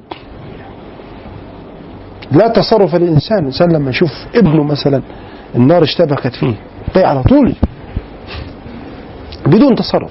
بدون أي تفكير. وازداغت الأبصار وبلغت القلوب الحناجر وتظنون بالله الظنا ما الذي سيحدث؟ هل سنقتل؟ هل سنموت؟ هل سينصر الله الإسلام؟ هل سيتخلى الله عنا ظنون. في هذا الوقت وهذه المحنة الشنيعة ابتلي المؤمنون. المؤمنون. وزلزلوا زلزالا شديدا والزلزال هو حركة الأرض استعير للإيمان الذي في القلوب. زلزلوا زلزالا شديدا. وإذ زاغت الأبصار وبلغت القلوب الحناجر وتظنون بالله الظنون. هنالك ابتلي المؤمنون وزلزلوا زلزالا شديدا. بعد هذا الزلزال المدمر ما الذي حدث؟ ظهر الصف المسلم نقيا. لا شائبة فيه. وظهر الدخلاء عليه. وذلك جزى الله الشدائد عني كل خير. عرفتني عدوي من حبيبي. العدو والحبيب يظهر متى؟ في وقت الشدة. لما؟ لأنه في وقت الرخاء الكل موجود. أما وقت الشدة فيظهر العدو من الصديق. فما هي مواقف الناس بالنسبة للرسول عليه الصلاة والسلام في هذه الغزوة. وزلزلوا زلزالا شديدا. أول صنف. وإذ يقول المنافقون والذين في قلوبهم مرض ما وعدنا الله ورسوله إلا غرورا. أول صنف. طب هل المنافقون والذين في قلوبهم مرض شيء واحد؟ بهذا قال بعض المفسرين. ولكن المنافقون هم الذين تمكن منهم النفاق. أما الذين في قلوبهم مرض فهم على درجة من درجات النفاق. وذلك في وصف المنافقين في سورة البقرة. ومن الناس من يقول آمنا بالله وباليوم الآخر وما هم بمؤمنين. يخادعون الله والذين آمنوا وما يخدعون إلا أنفسهم وما يشعرون في قلوبهم مرض. هذه درجة. فزادهم الله مرضا. ولهم عذاب أليم ما كانوا يكذبون. وإذا قيل لهم إذن في صفات أخرى. لا تفسدوا صفات كثيرة أخرى. يبقى إذ يقول المنافقون والذين في قلوبهم مرض ما وعدنا الله ورسوله إلا غرورا. هذا أمر غرور يعني لن يتحقق. مجرد أماني لا قيمة لها. هذا صنف. وإذ يقول المنافقون والذين في قلوبهم مرض ما وعدنا الله ورسوله إلا غرور. الصنف الثاني. وإذ قالت طائفة منهم يا أهل يثرب لا مقام لكم. يثرب هي اسم المدينة قبل أن يهاجر إليها رسول الله. ولذلك الرسول صلى الله عليه وسلم قال من قال يثرب بعد ذلك فليستغفر الله. هي طي- طيبة أو المدينة. هي طيبة لأنها طابت بمقدمه صلى الله عليه وسلم. كانت اسمها يثربا قبل هجرتكم ولكنها طابت للقياك صلوات ربي وسلامه عليه. إذا وإذ قالت طائفة منهم يا أهل يثرب لا مقام لكم. لا مقام لكم دي لها أكثر من معنى أي لا مقام لكم في في الإيمان. اتركوه. اتركوا الإيمان. اتركوا الإيمان وتعالوا معنا. وهذا ما كان يفعله عبد الله بن أبي بن سلول والمنافقون الذين معه. أو لا مقام لكم في جيش محمد انضموا إلينا. وكلاهما واحد. لأنه لو ترك الإيمان بطبيعة الحال سينضم إلى عدو رسول الله صلى الله عليه وسلم. لا مقام لكم فارجعوا. ويستأذن فريق منهم النبي. يقولون إن بيوتنا عورة. والبيت العورة. هو البيت الذي لا حافظ له يعني لا أبواب له لا نوافذ له ومن ثم تستطيع السباع والهوام أن آه، يعني تقتحمه بسهولة. وذلك في الحديث الصحيح عند الإمام مسلم أن شابا من الأنصار كان متزوج جديد فاستأذن النبي أن يذهب إلى زوجه. فلما ذهب إليها وجدها خارج البيت فهم بها. فقالت لا عليك ادخل البيت ترى ما الذي ترى. فوجد حية عظيمة. فدخل معها في صراع حتى سقط سقف البيت عليه ما يدرى أيهما مات أولا. فلما أخبر النبي بذلك قال صلى الله عليه وسلم إن في المدينة جنا قد أسلموا. إن في المدينة جنا قد أسلم فمن رأى ذلك فلينظره ثلاثة أيام. فإن ظهر له بعد ذلك فليقاتله فإنه شيطان. نعم. حاضر من خصائص الجن أنه يتشكل بأشكال سيئة. فكان في واحد من الجن الكافر متشكل في صورة حية. فالشاب من الأنصار ده لما دخل عليه ودخل معه في صراع الاثنين ماتوا. والشاب ده فالصح... فلما أخبر النبي ما قال إن في المدينة جنا قد أسلموا لأن الرسول مبعوث للإنس والجن. وما أرسلناك إلا رحمة للعالمين. وفي القرآن وإذ صرفنا إليك نفرا من الجن يستمعون القرآن. فلما حضروه قالوا أنصتوا. فلما قضي ولوا إلى قومهم منذرين. فالنبي صلى الله عليه وسلم قال إن في المدينة جنا قد أسلموا فمن ظهر له ذلك ظهرت له حية ظهر له شيء فلينظره ثلاثة أيام. وبالله عليكم لا تؤذون ولا تظهروا لنا. فإذا ظهر له بعد ذلك فليقاتله فإنه شيطان. وضحت فبيوتهم عورة والله تعالى يقول وما هي بعورة؟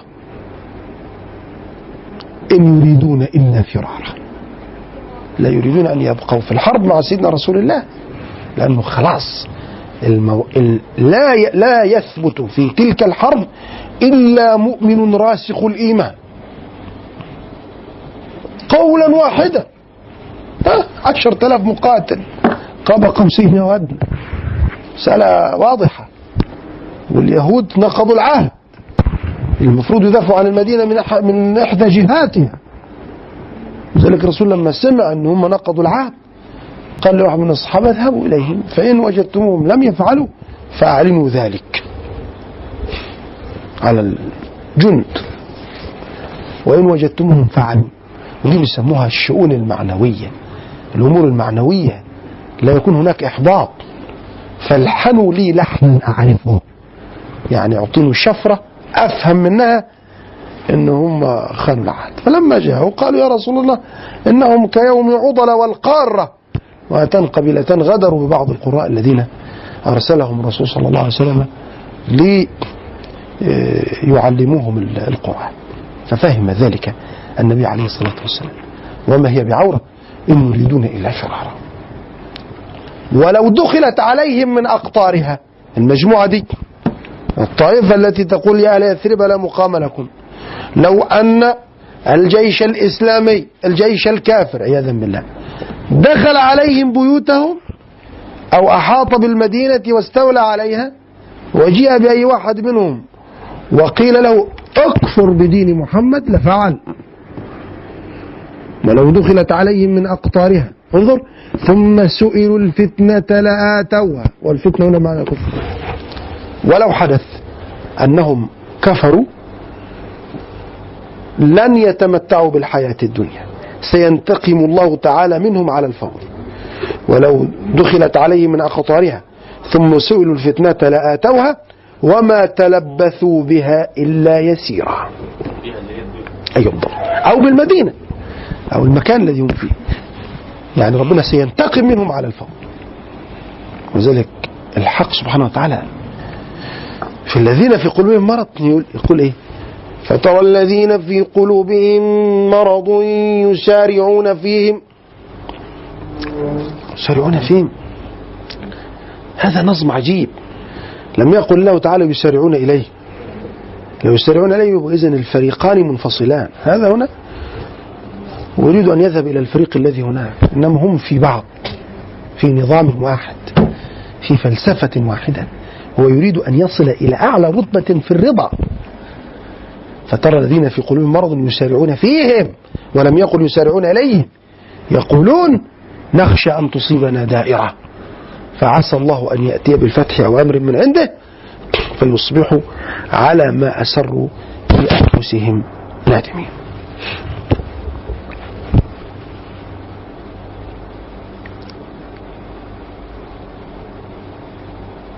ثم سئلوا الفتنة لآتوها وما تلبثوا بها إلا يسير. ولقد كانوا عاهدوا الله من قبل لا يولون الأدبار وكان عهد الله مسؤولا. من الذي عاهد الله من قبل؟ لا هناك طائفتان هناك طائفتان كانتا ستتركان الحرب مع النبي في غزوة أحد. قال تعالى إذ هم الطائفتان منكم أن تفشلا بنو سلمة وبنو. وبنو كنانة. والله وليهما. الله تعالى ثبت الإيمان في قلوبهم. فلما هموا بأن يتركوا المعركة لما حدث فيها ثم ثبتهم الله أخذوا على أنفسهم العهود والمواثيق ألا يدعوا النبي في حرب إلا ويناصروه. يناصرونه. ولكن كان الأول خطاب الإسلام لهؤلاء أو خطاب القرآن في أول الجهاد فأراد أن يتألفوا أما بعد أن استوثق الجهاد من قلوب المؤمنين انظر إلى خطاب الله معهم. ولقد كانوا عاهدوا الله من قبل لا يولون الأدبار.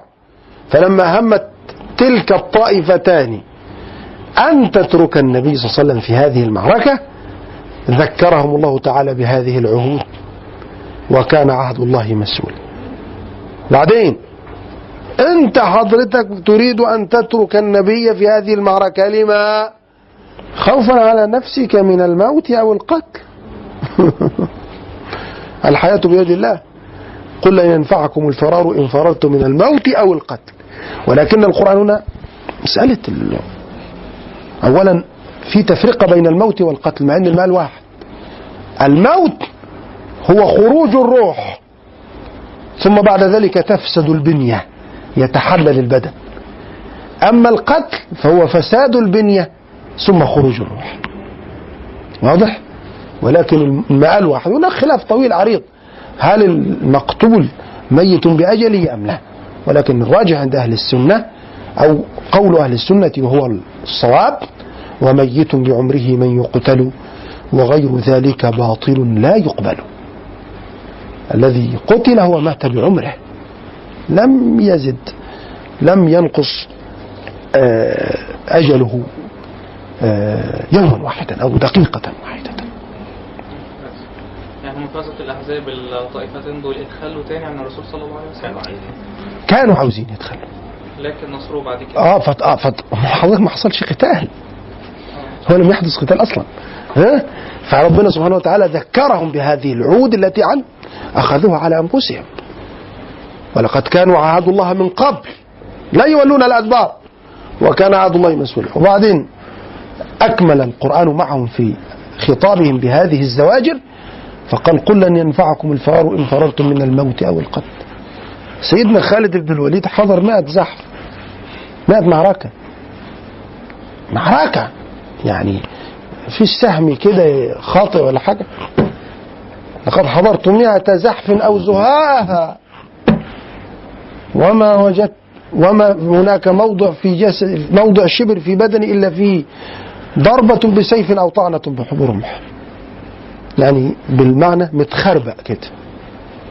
وها أنا ذا أموت على فراشي كما يموت البعير رغم أنفي. فلا نامت أعين جبناء لذلك أوعى حد يفهم إن المرض هو اللي بيموت أو ان الصحة هي اللي بتبقي. ابدا ابدا ابدا. الموت والحياة دي قرار إلهي مش علاقة. ولذلك أمير الشعراء يتعجب في هذا. واحد قوي متين يسقط ميتا وواحد مريض له سنوات. والناس تقول يا رب خفف عنه يا رب كذا يا رب كذا. ويبقى حيا. بل يموت من كان يعالج من كانوا يعالجونه. وما زال. فقال في الموت ما أحيا. وفي أسبابه كل امرئ رهن بطي حسابه. أسد لعمرك عند اللقاء. من يموت بظفره كمن يموت ببيته. إن غاب عنك أي الموت فكل طب نافع. يعني أجلك ما حضرش تاخد اسبرينة حد يقرأ لك الرقية. تشرب شوية كمادات هتبرأ لما؟ لأن الأجل لم يحضر. وإلا فالطب من أعوانه. أعمال الموت داء النفوس وكل داء قبله. هم نسينا ذهابه لمجيء أذكر لما مات حفيد آه، الرئيس مبارك. ما الذي حدث؟ قبل أن يموت. دخلوا في جناح القوات المسلحة جناح الرئاسة. الأجهزة واقفة لم تستعمل. هاتوا الطائرة. اذهبوا به إلى دنيا مسخرة. ومع ذلك يموت الولد بين السماء والأرض. دنيا. ومع ذلك يموت. القرار صدر. خلاص. قل لن ينفعكم. ولذلك سيدنا عبد الله بن رواحة في غزوة مؤتة. ما الذي حدث؟ ترددت نفسه ترددا خفيفا. لما آلت إليه قيادة المعركة هذا التردد في الداخل في داخل النفس وهو أمر طبيعي جبلي. فخاطب نفسه وقال يا نفس إلا تقتلي تموتي. هذا حمام الموت قد صليتي ودخل المعركة فقاتلها حتى استشهد رضي الله عنه. يقول النبي صلى الله عليه وسلم والله لقد رأيت سرير عبد الله بن رواحة قد ازور أي تأخر عن سرير صاحبيه في الجنة. عشان هذا التردد أمر عجيب. اللي هو سيدنا زيد بن حارثة وسيدنا جعفر بن أبي طالب. ما حصل لهمش الحال ده. ها؟ إنما جعفر قطعت يده اليمنى سكب اليسرى وذلك أبدله الله تعالى بجناحين يطير بهما في الجنة. لذلك سيدنا معاوية مش عارف الشيطان وزه ولا إيه مرة. رضي الله عنه وأرضاه فكتب يفتخر على الإمام علي. سيدنا الإمام علي قال يفتخر علي ابن آكلة الأكباد. محمد النبي أبي وصهر وحمزة سيد الشهداء عم. طبعا معاوية كان يقول أبي سيد في الجاهلية وسيد في الإسلام وأنا كلام. فسيدنا علي كتب له أبي محمد النبي أبي وصهري وحمزة سيد الشهداء عمي وجعفر الذي يضحي ويمسي بين الملائكة ابن أمي وفاطمة الزهرة سكني وعرسي مشوب لحمها بدمي ولحمي وصبط أحمد ولدي منها. فمن, فمن منكم له سهم كسهمي سبقتكم إلى الإسلام طرا صغيرا. ما بلغت أوان حلمي وصدقت النبي وكنت طفلا. فمن منكم له يوم كيومي فسيدنا معاوية قال طب مش تعملوها كده لأنه لو قيلت على أهل الشمس يتبعون عليا ويتركونني. هذا هو. فتردد ترددا خفيفا. لذلك ورد. أن امرأة مات ولدها في في وقت في في في وقت واحد فجاءت برجل طرار والطرار اللي هو الحنوتي بلغته. فدفنهم فأخذه إعياء. تعب. فلما تعب رأى رؤيا. رأى أن الملائكة تشيع أحد الولدين إلى الجنة راكبا. والثاني تشيعه الملائكة إلى الجنة ماشيا. فأراد أن يسأل أمهم عن حاله فقالت له الأم جئت تسأل عن الراكب أم عن الماشي؟ قد أسأل عن الاثنين.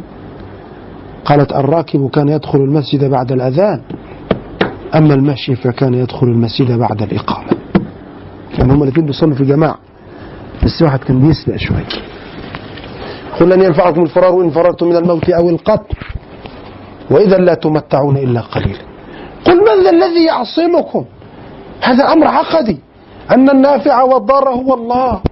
ما من خير أو من شر يحدث في الكون إلا ويجريه الله. قل من ذا الذي يعص- يعصمكم من الله إن أراد بكم سوءا أو أراد بكم رحمة. ولا يجدون لهم من دون الله وليا. إيه؟ ولا نصيرا من الذي من العاصم وذلك ابن نوح. لما سيدنا نوح ناداه وقال يا بني اركب معنا ولا تكن مع الكافرين. قال سآوي إلى جبل. هذا هو أول ملحد في تاريخ البشرية. ابن نوح ده ابن نوح ده ما كانش كافر كان ملحد. لأنه كون ينسب الفاعلية إلى الجبل هذا هو الإلحاد. إن الجبل ده فاعل يحميه هذا هو الإلحاد. أما الكافر كافر بعقيدة مؤمن به ضدها. يعني أنا كافر بالمسيحية مثلا. ها؟ والمسيحي كافر بالإسلام ماشي. إنما الملحد ده منكر لوجود إله. فقال سأوي إلى جبل يعصمني من الماء قال لا عاصم اليوم من أمر الله إلا من رحم. وحال بينهما الموج. جاءت موجة عالية. فحالت فصلت الكلام بين نوح وولده. وإذا لا تمتعون إلا قليلا. قل من ذا الذي يعصمكم من الله إن أراد بكم سوءا أو أراد بكم رحمة ولا يجد لهم من دون الله وليا ولا نصيرا. الطائفة الرابعة إحنا تكلمنا عن كم طائفة؟ عن كم؟ يبقى دي الطائفة الثالثة. المنافقون والذين في قلوبهم مرض. وقال طائفة منهم يا أهل يثرب لا مقام لكم. والطائفة الثالثة. قد يعلم الله المعوقين منكم. قد إذا دخلت على الفعل الماضي أفادت التحقيق. قد أفلح المؤمنون. وإذا دخلت على الفعل المضارع أفادت التقليل.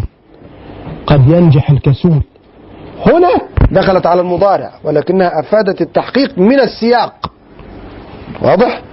قد يعلم الله المعوقين. والمعوق هو الذي يقيم حواجز في أن لا تصل إلى ما تريد حتى يعيقك عن الاستمرار فيما أنت فيه. ولذلك الإنسان الذي أصيب في شيء مثله نقول عنه أنه معوق. يعني إيه معوق؟ يعني هذا عطل هذه الجارحة فيه أعاقته عن أن يصل إلى ما ما يؤمل. قد يعلم الله المعوقين منكم. والقائلين لإخوانهم هلم إلينا. جماعة المنافقين كانوا مكونين خلي تعالوا بقى سيبكم من محمد. حتى عبد الله بن يقول ما محمد وما مع ومن معه إلا أنهم يأكلون تشبعهم رأس واحدة. يعني هم من القلة لدرجة أنهم لو طبخت لهم رأس بعير لأكلوه وشبعوا. ولو تخليتم عنه مسألة القضاء على محمد ومن معه ستكون مسألة وقت فقط. والقائلين لإخوانهم هلم إلي. وهلم اسم فعل بمعنى أقبل. هلم إلي يعني أقبل إلي وذلك فيه في اللغة اسم زي مثلا محمد وفعل زي أحمد وحرف زي فيه وفي حاجة لا هي اسم ولا فعل اسمها اسم فعل. زي إيه؟ هلم دي بمعنى أقبل. اسم فعل بمعنى أقبل. زي صه اسم فعل بمعنى أسكت. آه شتان اسم فعل بمعنى افترق وهكذا.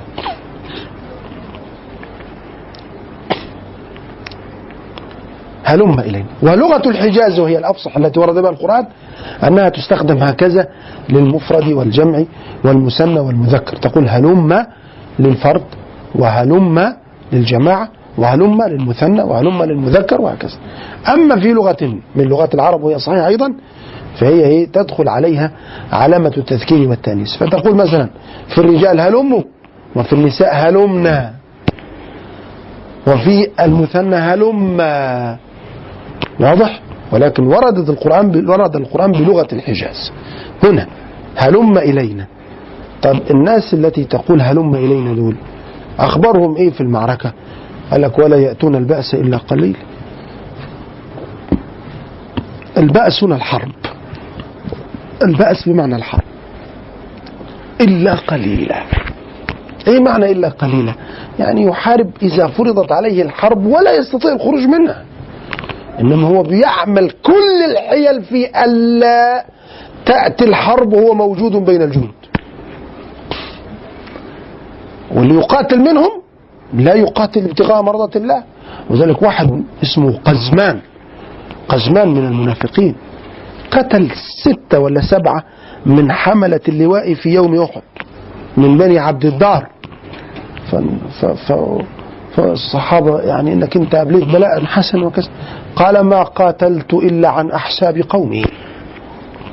فكان النبي يقول هو في النار. لأنه كان يقاتل في جيش رسول الله. ومع ذلك قال هو في النار قومي يقاتل أحساب قوم يعني الناس اللي بتقاتل من أجل الإيه؟ الوطنية من أجل من أجل القومية من أجل النسب من أجل العصبية. مش بيقاتل من أجل الله. أمال إيه؟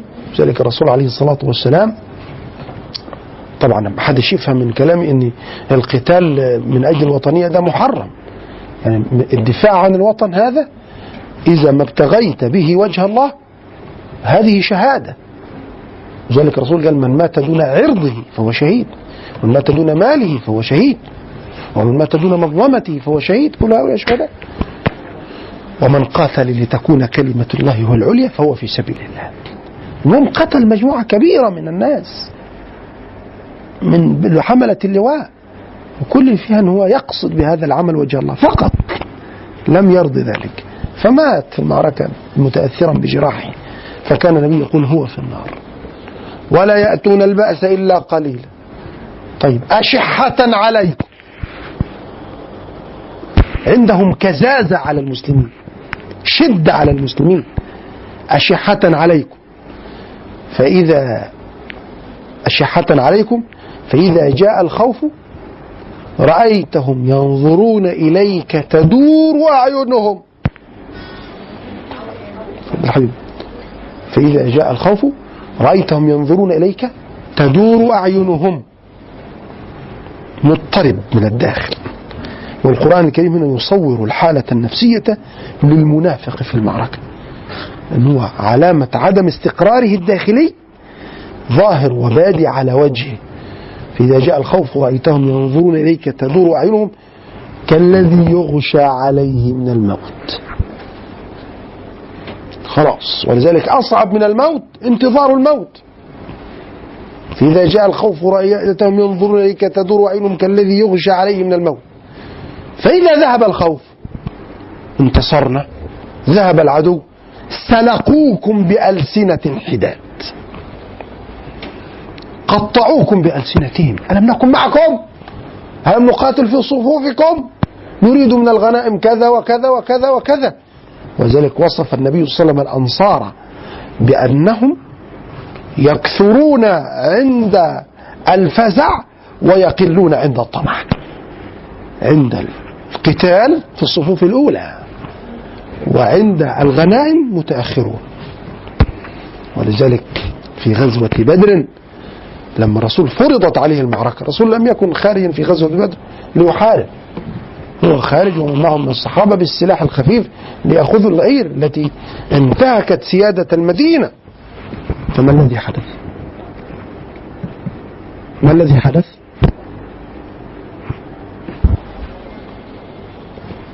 يدخل معركة. فأراد أن يستشير الأنصار. لما؟ لأن شروط بيعة العقبة نصوص بيعة العقبة تقول أن إن الأنصار يدافعون عن النبي داخل المدينة. خارجها لا. طب هو داخل خارج بيهم بحرب خارج المدينة لابد أن يستشيره فقال أشيروا علي أيها الناس. فقام أبو بكر وعمر وقال كلاما جميلا وأحسن. أشيروا علي أيها الناس. فقام سعد بن معاذ وقال أو كأنك تريدنا يا نبي الله؟ يعني عاوز رأينا؟ قال نعم. أنا ما فعلت هذا إلا لأعرف على رأيه. قالوا يا رسول الله صل حبال من شئت. واقطع حبال من شئت. وخذ من أموالنا ما شئت ودع من أموالنا ما شئت. وما أخذت كان أحب إلينا مما تركت. إنا أمنا بك وصدقناك وأعطيناك على ذلك عهودنا ومواثيقنا. فامض لما أمرك الله به فهو الذي بعثك بالحق لو استعرضت بنا هذا البحر فخضته لخضناه معك. ما تخلف منا رجل واحد. إن لصبر عند الحرب صدق عند اللقاء. وليلنك الله ما تقر به عينك. والله لا نقول لك كما قال بنو إسرائيل لموسى اذهب أنت وربك فقاتلا إنها هنا قاعدون. ولكن نقول لك اذهب أنت وربك فقاتلا إنا معكما مقاتلون سلقوكم بألسنة حداد أشحة على الخير. لا يريدون أن يصل خير ما إلى المسلمين. طيب هما بيعملوا كده ليه؟ يعني في الخوف ما تلاقيهمش. وفي الغنائم في الصفوف الأولى. وهم لا يريدون أن يصل أي خير للمسلمين. بيعملوا كده ليه؟ أولئك لم يؤمنوا. هذه هي علامات عدم الإيمان. اوعوا حد يضحك عليكم. يقول إن واحد بيأذي المسلمين وهو يريد أن ينفع المسلمين. ابدا. اللي بيؤذي المسلمين دول يبقى هو عنده حاجة في قلبه من عقيدة المسلمين. وإلا ما يأذيهمش لا المسلم أخو المسلم لا يظلمه ولا يسلمه ولا يخذله. ولذلك أولئك لم يؤمنوا. فأحبط الله أعمالهم. وذلك الحبط هو عشب تأكله النوق أو الإبل يأكله الإبل في الصحراء فإذا ما أكلته انتفخت فيظن الراعي أنها قد سمنت أنها قد سمنت ولكن بعد ذلك يجدها قد ماتت. فهذا يفعل أفعالا يظن أنها كبيرة عند الله وأنها ستدخله الجنة ولكن هذه الأعمال ليس لها قيمة عند الله. ذلك في حديث مخيف. يقول النبي صلى الله عليه وسلم سيعرض علي ناس من أمتي يوم القيامة لهم حسنات كأمثال جبال تهامة. يقول الله تعالى لها كوني هباء منثورا. لا قيمة لها قالوا يا رسول الله من هم؟ من هؤلاء الناس؟ قال هم من جلدتنا ولهم حظ من الليل ولكنهم قوم إذا خلوا بمحارم الله انتهكوها. بينه وبين الناس ولي من أولياء الله. أما إذا خلا فيما بينه وبين ربه يرتكب الموبقات ويأتي المنكرات. ولذلك يقول الله تعالى في الحديث القدسي الجليل يا عبادي إن كنتم تظنون أني لا أراكم فالخلل في إيمانكم. وإن كنتم تظنون أني أراكم فلما جعلتموني أهون الناظرين إليكم؟ أولئك لم يؤمنوا فأحبط الله أعمالهم وكان ذلك على الله يسيرا. مسألة أن ربنا سبحانه وتعالى يحبط الأعمال ولا يقبلها أمر يسير عليه سبحانه وتعالى. هم ما كانوش متوقعين لم يتوقعوا أن ربنا سبحانه وتعالى سينهي هذه المعركة على هذا السيناريو. أن ربنا هيبعث شوية ريح تنهي المعركة. لم يكونوا يتوقعون هذا. وذلك يحسبون الأحزاب لم يذهبوا. لأنه جيش بهذا القوام جاء. لابد أن يحقق بعض الغايات. وذلك لما تقرأوا في السيرة النبوية بنظرة عسكرية. وده اللي كتب فيها اللواء الركن محمود شيث خطاب في الرسول القائد وغزوات الرسول والكلام ده. يقوم يحلل هذه المسائل تحليل عسكري. إحنا لما نتكلم فيها نتكلم فيها بمنطق دعوي. إنما هو بيتكلم بمنطق الربح والخسارة. في مثلا في غزوة زي غزوة أحد الناس كلها تقول إن الرسول عليه الصلاه والسلام آه، المسلمين في هذه المعركة انهزموا. هو يقول لك لا لم ينهزم المسلمون ولم ينتصر الكافرون. ما ماذا هم دخلوا المعركه ليه؟ ليه دخلوا المعركة؟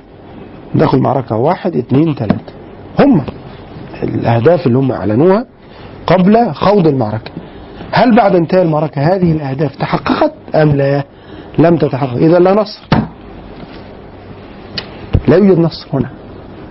فهم مسألة أن الجيش الكافر جيش الكفار عشرة ألاف مقاتل. يمشوا كده؟ وتنتهي المسألة بشوية ريح. ده أمر ما كانوش متصورينه. ولذلك الإنسان في مسألة الحروب دي لما تراجع كل حروب المسلمين تجد أن المسلمين في كل حروبهم وكل هنا في علم المنطق يسمونها قضية كلية موجبة. والقضية الكلية الموجبة هي التي تستغرق جميع أفراد الموضوع. ما كان المسلمون في معركة من معاركهم لا أكثر عددا ولا أقوى عدة. في أي معركة؟ من المعارك يأتوني بمعركة واحدة. كان المسلمون فيها يتفوقون على أعدائهم في الع- في العدد والعدد. ما كانوا. ولكنهم كانوا ينتصرون. لما؟ لأن الله قال قاتلوهم يعذبهم الله بأيديكم ويخزهم وينصركم عليه. بس أنت جدع ومد إيدك وأنا هنصرك. طب أنا مش معايا ال- القوة اللي عندهم. ما استطعت. وإذ لهم ما استطعتم من قوة ومن رباط الخيل فالمنافقون المنافقون لم يكونوا يتصورون يوما ما أن هذه الجحافل من الجيوش التي أحاطت بالمدينة من كل حدب وصوب وأرادت أن تنهي قضية الإسلام على الجملة أن هي سترجع. بهذه الصورة وبهذه السهولة يحسبون الأحزاب لم يذهبوا وإن يأتي الأحزاب جاءوا يود لو أنهم بادون في الأعراب يعني بعيدون عن ساحة المعركة. من بدأ سكن البادية. يعني بعيد عن ساحة المعركة. يسألون عن أنبائكم. هو عمل إيه؟ إيه اللي حصل؟ محمد ماذا صنع؟ هو جنده ولو كانوا فيكم ما قاتلوا إلا يسيرا إلا قليلا. ولو كانوا فيكم ما قاتلوا إلا قليلا. إذا ولذلك انت المنافقون قاتلوا في جيش الرسول صلى الله عليه وسلم في أحد كما قلت لكم وفي تبوك. غزوة تبوك آخر غزوة غزاها رسول الله صلى الله عليه وسلم وكانت غزوة العسرة وكلها حر وقر وتعب ومشقة بالغة حصلت للرسول صلى الله عليه وسلم. ومع ذلك في وسط المعركة الرسول ضلت ناقته. يقول أحدهم أن محمدا يزعم أن الخبر يأتيه من السماء ولا يدري أين ذهبت ناقته. فيقوم النبي صلى الله عليه وسلم ويقول ما بال قوم أقوام يقولون كذا وكذا؟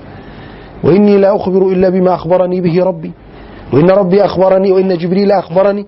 أن ناقتي بوادي كذا أخذها غصن شجرة من خطامها. طيب وبعدين؟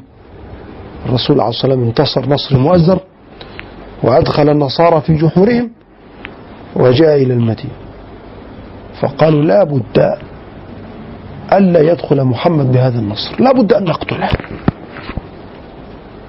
فالنبي عليه الصلاة أمر الجيش أن يدخل من مكان ودخل هو من مكان ولكن المكان الذي دخل منه به كان مكانا ضيقا. فما الذي حدث؟ نزلوا من على إبلهم وساقوها في اتجاه المكان الذي دخل منه النبي. حتى تتدافع الإبل مع بعضها البعض فتأخذ ناقة الرسول في إيه؟ في طريقه. فلما الإبل تتدافع يختل توازنه صلى الله عليه وسلم فيسقط فتدوسه الإيه؟ الإبل دي الخطة. فالنبي عليه الصلاة والسلام نظر من بعيد فوجد النوق جاء جاء متدافعة متسارعة. قال يا بلال أنخ الناقة. فأنخها فنزل من عليه. وتنحى ناحية في الطريق وجعلها تجري مع بقية الإيه؟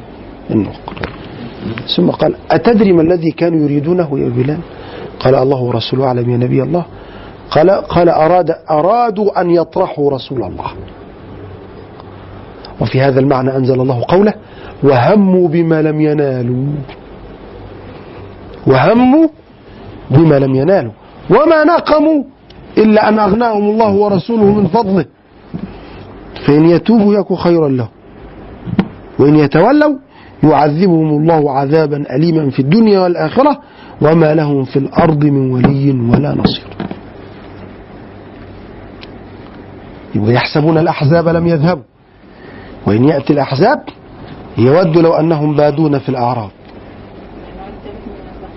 لا ده كله ده صفة للنوع الثالث. الثالث آه. يود لو أنهم بادون في الأعراب ولو كانوا فيكم ما قاتلوا إلا قليلا. ولذلك ربنا سبحانه وتعالى تكلم عن المنافقين في الحرب. قال في المنافقين لو خرجوا فيكم ما زادوكم إلا خبالا ولا أوضعوا خلالكم. يبغونكم الفتنة وفيكم سماعون لهم. كل مهمة المنافق في المعركة أنه يخزن من عزائم المسلمين.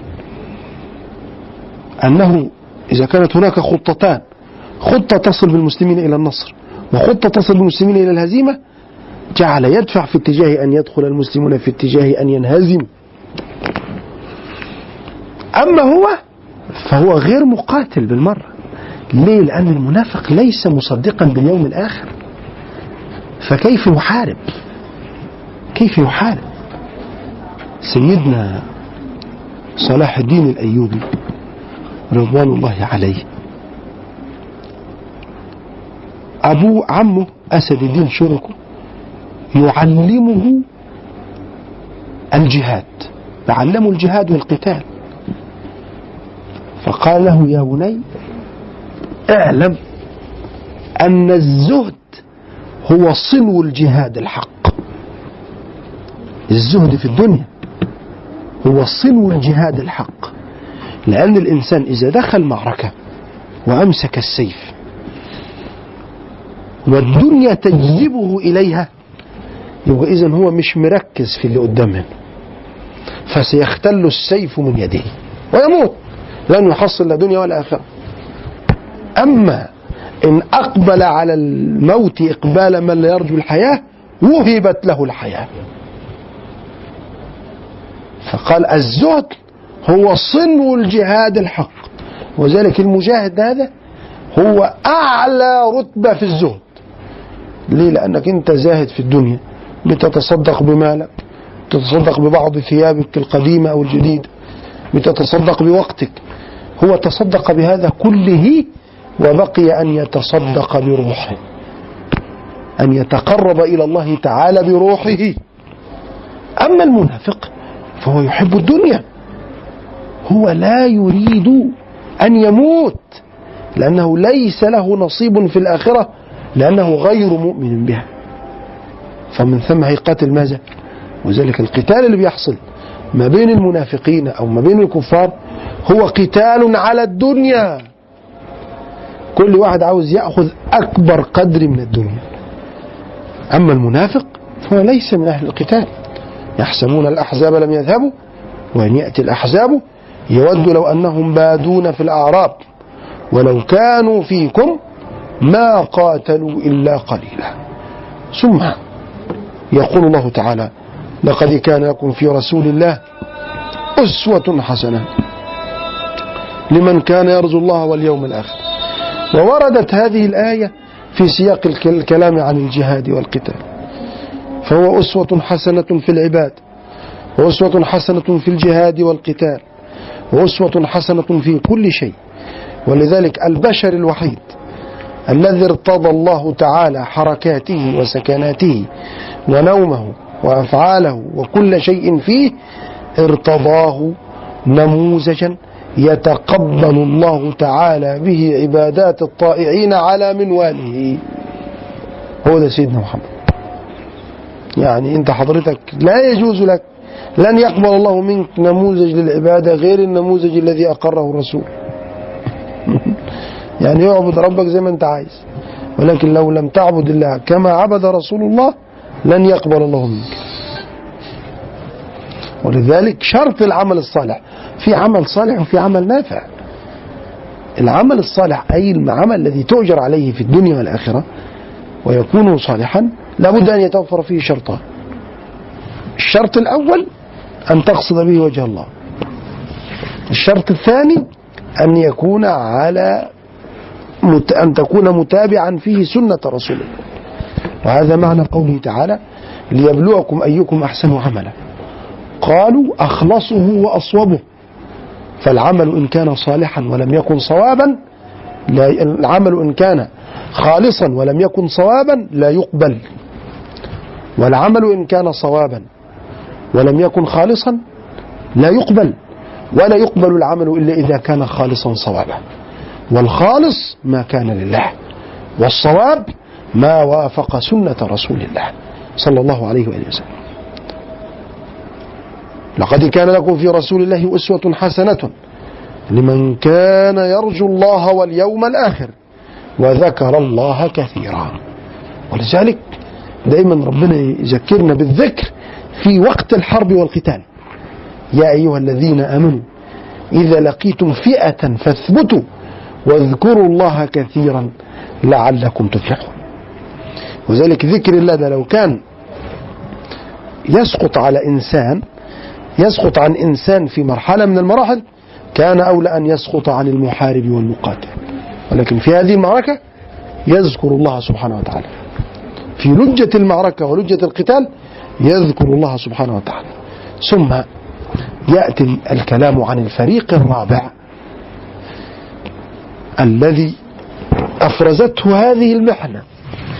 ولما رأى المؤمنون الأحزاب ده الفريق الرابع.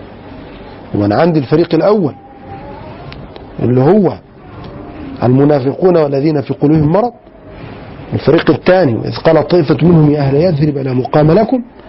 الفقير الفريق الثالث قد يعلم الله المعوقين منكم. الفريق الرابع اللي هم المؤمنون. ولما رأى المؤمنون الأحزاب قالوا هذا ما وعدنا الله ورسوله.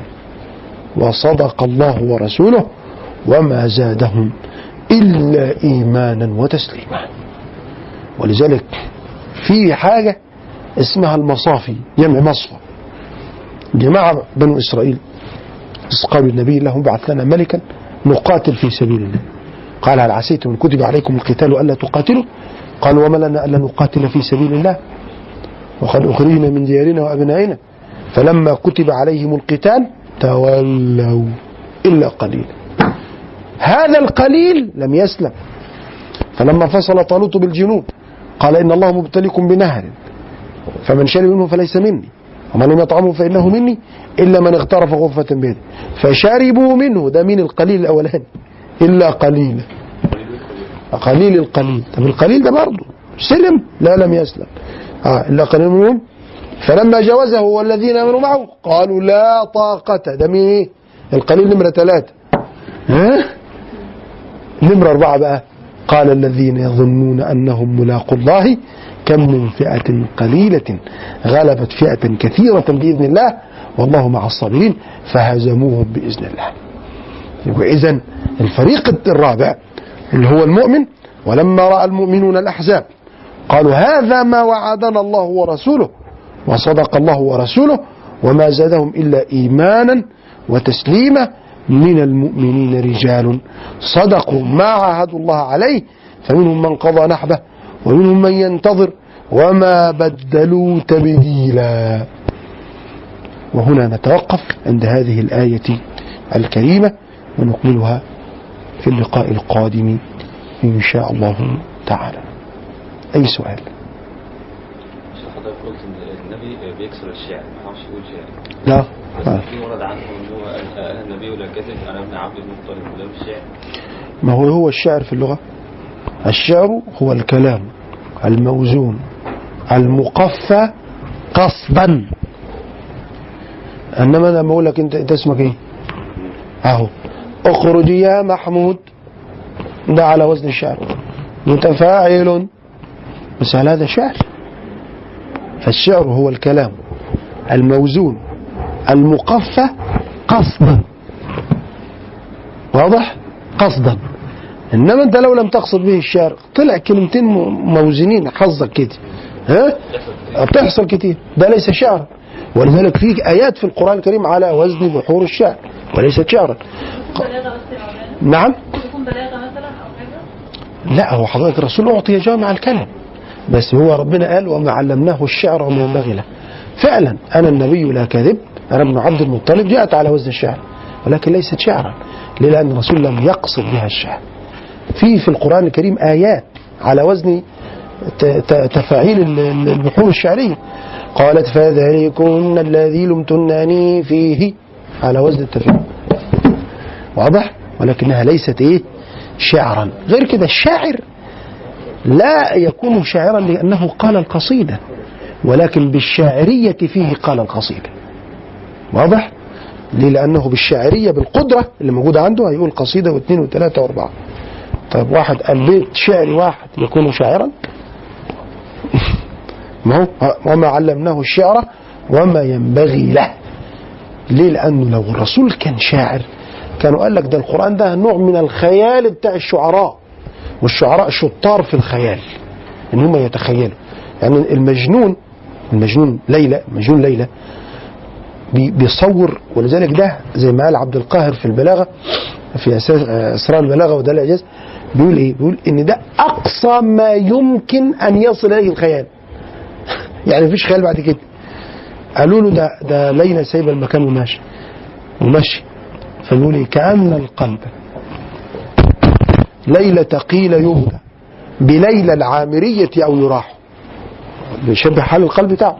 قطات يعني زي حال الحمامة. طب ليه ما قالش مثلا ذكر بطيا ليه جاب حمامة يعني؟ قالوا لأن حمامة قتلت ظلما في الزمن الأول. فأخذ الحمام على نفسه عهدا أن يبكيها جيلا إثر جيل. ها؟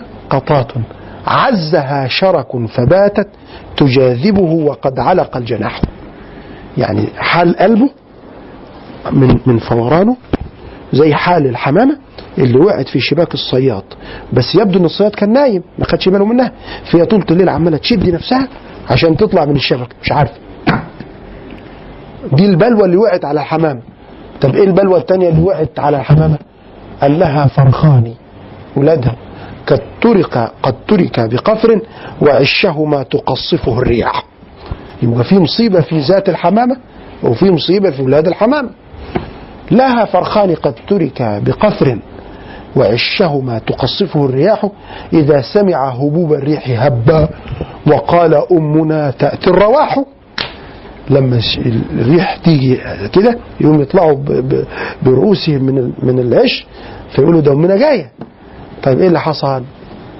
قال لك فما بالليل نالت ما ترجى ولا بالصبح كان لها براح هو قلبه كده. لا وصل لا ما يريد من ليلة ولا قلبه ترك ليلة كشأن الإيه؟ الست دي. فالنبي ما كانش شاعر خالص لم يكن شاعرا. وذلك الشعر كما قال أهله هو الكلام العربي الموزون المقفى قصدا فهل خرج هذا الكلام من النبي على سبيل القصدية؟ لا. لم يخرج. ليه؟ لأنه لم يقل غيره. ولو كان عنده قدرة على هذا ما كان قال شعر. إنما لم يكن شاعرا. صلى الله عليه وسلم وما علمه الله الشعر وما ينبغي له. وربنا ما علموش الشعر ليه؟ صيانة لمقام القرآن الكريم. صيانة لمقام الايه القرآن الكريم. أي سؤال تاني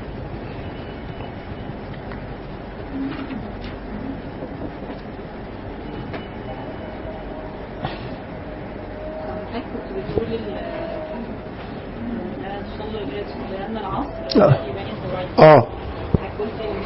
تحت الرسول أقر فيهم؟ لا. لا هو في واحد منهم صح. بقول في واحد منهم صح. لا هو الرسول أقر الفريقين. ليه؟ هو النص نفسه مع إن النص ده يعني لا يجوز أن يختلف فيه اثنين والصحابة دول أقحاح في اللغة. من كان سميعا مطيعا فلا يصلين الفعل المضارع أكد بنون التوكيد الثقيل. وبعدين في نفي واستثناء يفيد الحصر والقصر. المفروض كل الصحابة يروحوا يصلوا في بني قريظة فاش كلام.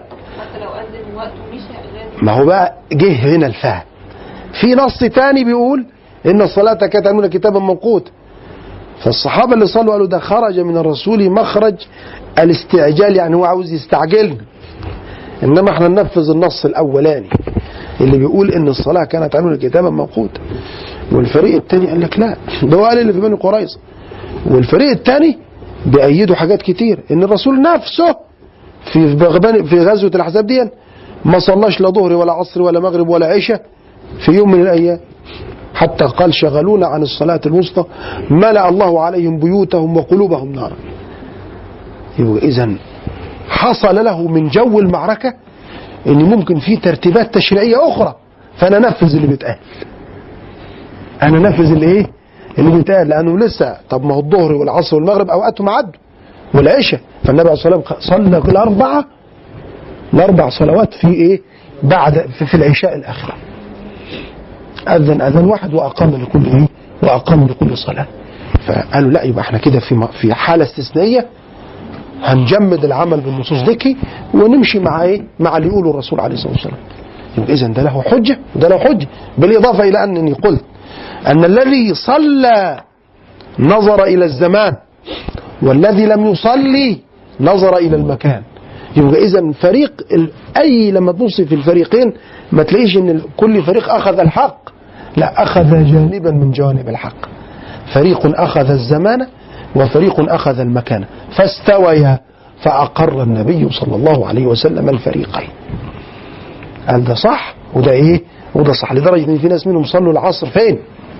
في الليل العميق. هذا هو. يبقى اذا وده يديني إيه أنا؟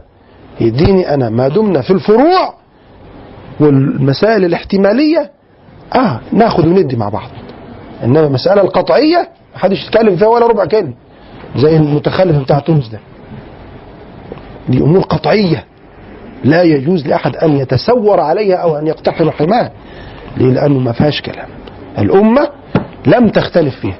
ما فيش حد آه، قال إن آيات الميراث ما تمشيش زي ما ربنا قال. ومفيش حد قال إن المسلمة تتجوز كافر. خالص. مطلقا. اذا نحن نلتزم بهذا الذي المقطوع به. أما الأمور الظنية زي ما حصل مع الصحابة. لأنه ساعات يكون الاختلاف هذا مراد للشارع نفسه. لأن ربنا لو عاوز يحسم المسألة كان أنزل النص بصورة لا تحتمل إلا فهما واحدا. إنما ما عملش كده في غالب في مش في غالب في الأعم الأغلب من آيات القرآن الكريم. وإلا ما كانش أن- أنتجت الثقافة الإسلامية كل هذا ال- ال- ال- الميراث الهائل والتراث الهائل من الفقه وال- والش- والشروح والآراء والحاجات دي كلها؟ لأن النص هو أراد ذلك. واضح هذه النقطة؟ هذا المعنى. ما فيش سؤال تاني خلاص؟ إيه لا يليق بال- بالقرآن النبي صلى الله عليه وسلم كان شعر نعم؟ إيه علاقه ان هو النبي صلى الله عليه وسلم لأن الشعراء الكفرة نفسهم قالوا أم يقولون شاعر نتربص به ريب المنون؟ في أكثر من شاعر من الشعراء ادعوا النبوة قبل الرسول وأغلبهم مش أغلبهم كلهم شعراء. في واحد منهم اسمه مين؟ أمية بن أبي الصلت ده كان يقعد مع النسوان ويقول لهم أنا النبي أنا النبي اللي جاي. في نبي جاي أنا هو. وكان يروح للكنايس راح مرة كذا كنيسة كده قال لهم يا جماعة النبي اللي جاي ده صفته تنطبق علي؟ قالوا بينك وبينه ربنا. لا تنطبق عليك لا من قريب ولا من بعيد. مع أنه أي أمية بن أبي الصلت قال شعرا في التوحيد لا يقوله إلا راسخ الإيمان بالتوحيد. وأنت الذي من شعر أمية من فضل من ورحمة بعثت إلى موسى رسولا مناديا. فقلت يا اذهب وهارون فادعوا إلى الله فرعون الذي كان طاغيا. وقول له هل أنت سويت هذه بلا وتد حتى اطمأنت كما هي؟ وقول له أنت رفعت هذه بلا عمد عرفق إذا بك بانية. وقول له هل أنت سويت وسطها منيرا؟ إذا ما جنك الليل هادية. وقول له من ينبت الحب في الثرى فيصبح منه العشب يهتز, يهتز رابية ويخرج منه حبه في رؤسه ففي ذاك آيات لمن كان واعيا. ومع ذلك قال النبي آمن شعره وكفر قلبه. ده إيمان ده مفيش في كلام. ولكن كفر قلبه. طيب بقى لو جه الرسول صلى الله عليه وسلم وقال شعرا على هذا المنوال إيه الفرق بينه وبين ده؟ فعشان يصون رب العالمين حمى القرآن قال لك الراجل بتاعنا ده ملوش في الشعر. هو طب إيه اللي كان يفرق إن ربنا يخليه يقرأ ويكتب؟ ما في من الصحابة أتباعه بيقروا ويكتبوا. أميو آه، م- آه، كتاب وقراء. ها؟ لأنهم قالوا والله ده لو بيقرأ بيكتب كان خد الكلام ده ولخصه من كتب السابقين. لا ما بيقراش ولا يكتب يعني ها؟ عشان نريح الموضوع. ها؟ لدرجه ان واحد من المستشرقين قال لك أنا مصدق إن القرآن ده من عند ربنا. أنا مصدق يا عم. بس في حاجة كده عاوز أسألك. إيه؟ قال لك جبريل وهو نازل بالقرآن. إيش ضمني؟ إن الشياطين ما اخترقتش الموكب بتاعه وحرفت وبدلت في النص اللي نزل بيه. مش أنتوا بتقولوا في القرآن وإنا كنا نقعد منها مقاعد للسمع فمن يستمع الآن يجد له شهابا رصدا؟ يعني في إمكانية. فأنا مش مطمن من الحتة دي. الوصلة دي أنا مش مطمن منها. فأنا عاوز حل للموضوع فربنا قال له عارف إن واحد بقف زي كده يحكي يقول كلام زي كده. فقال وما تنزلت به الشياطين وما ينبغي لهم وما يستطيعون إنهم عن السمع لمعزول. فقول حاجة غير كده. يبقى اذا أي حاجة من الممكن أن تطعن في أن القرآن كلام الله ربنا سبحانه وتعالى سددها من البداية وده من آيات الحفظ. فلو كان النبي عليه الصلاة والسلام شاعر طب ما في غيره شاعر وقال نفس الكلام أهو. ولو رسول نسج على منوالي وقال شعر كتير واخد لي من حضرتك يبقى اذا آه ما يفرقش كتير عن اللي سبقوه. وهم قالوا كده الكفار أم يكون شعر نتربص به ريب المنون؟ يعني هيقول كلمتين ويموت بقى وانت قصته.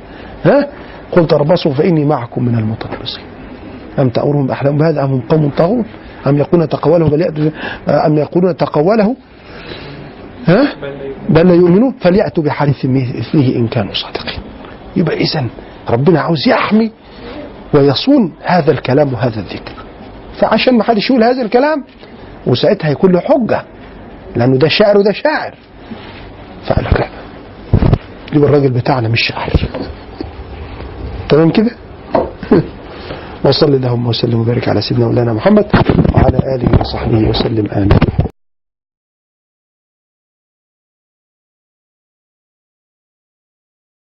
هو الذي بعث في الأميين رسولا منهم يتلو عليهم آياته ويزكيهم ويعلمهم الكتاب والحكمة ويعلمهم الكتاب والحكمة وإن كانوا من قبل لفي ضلال مبين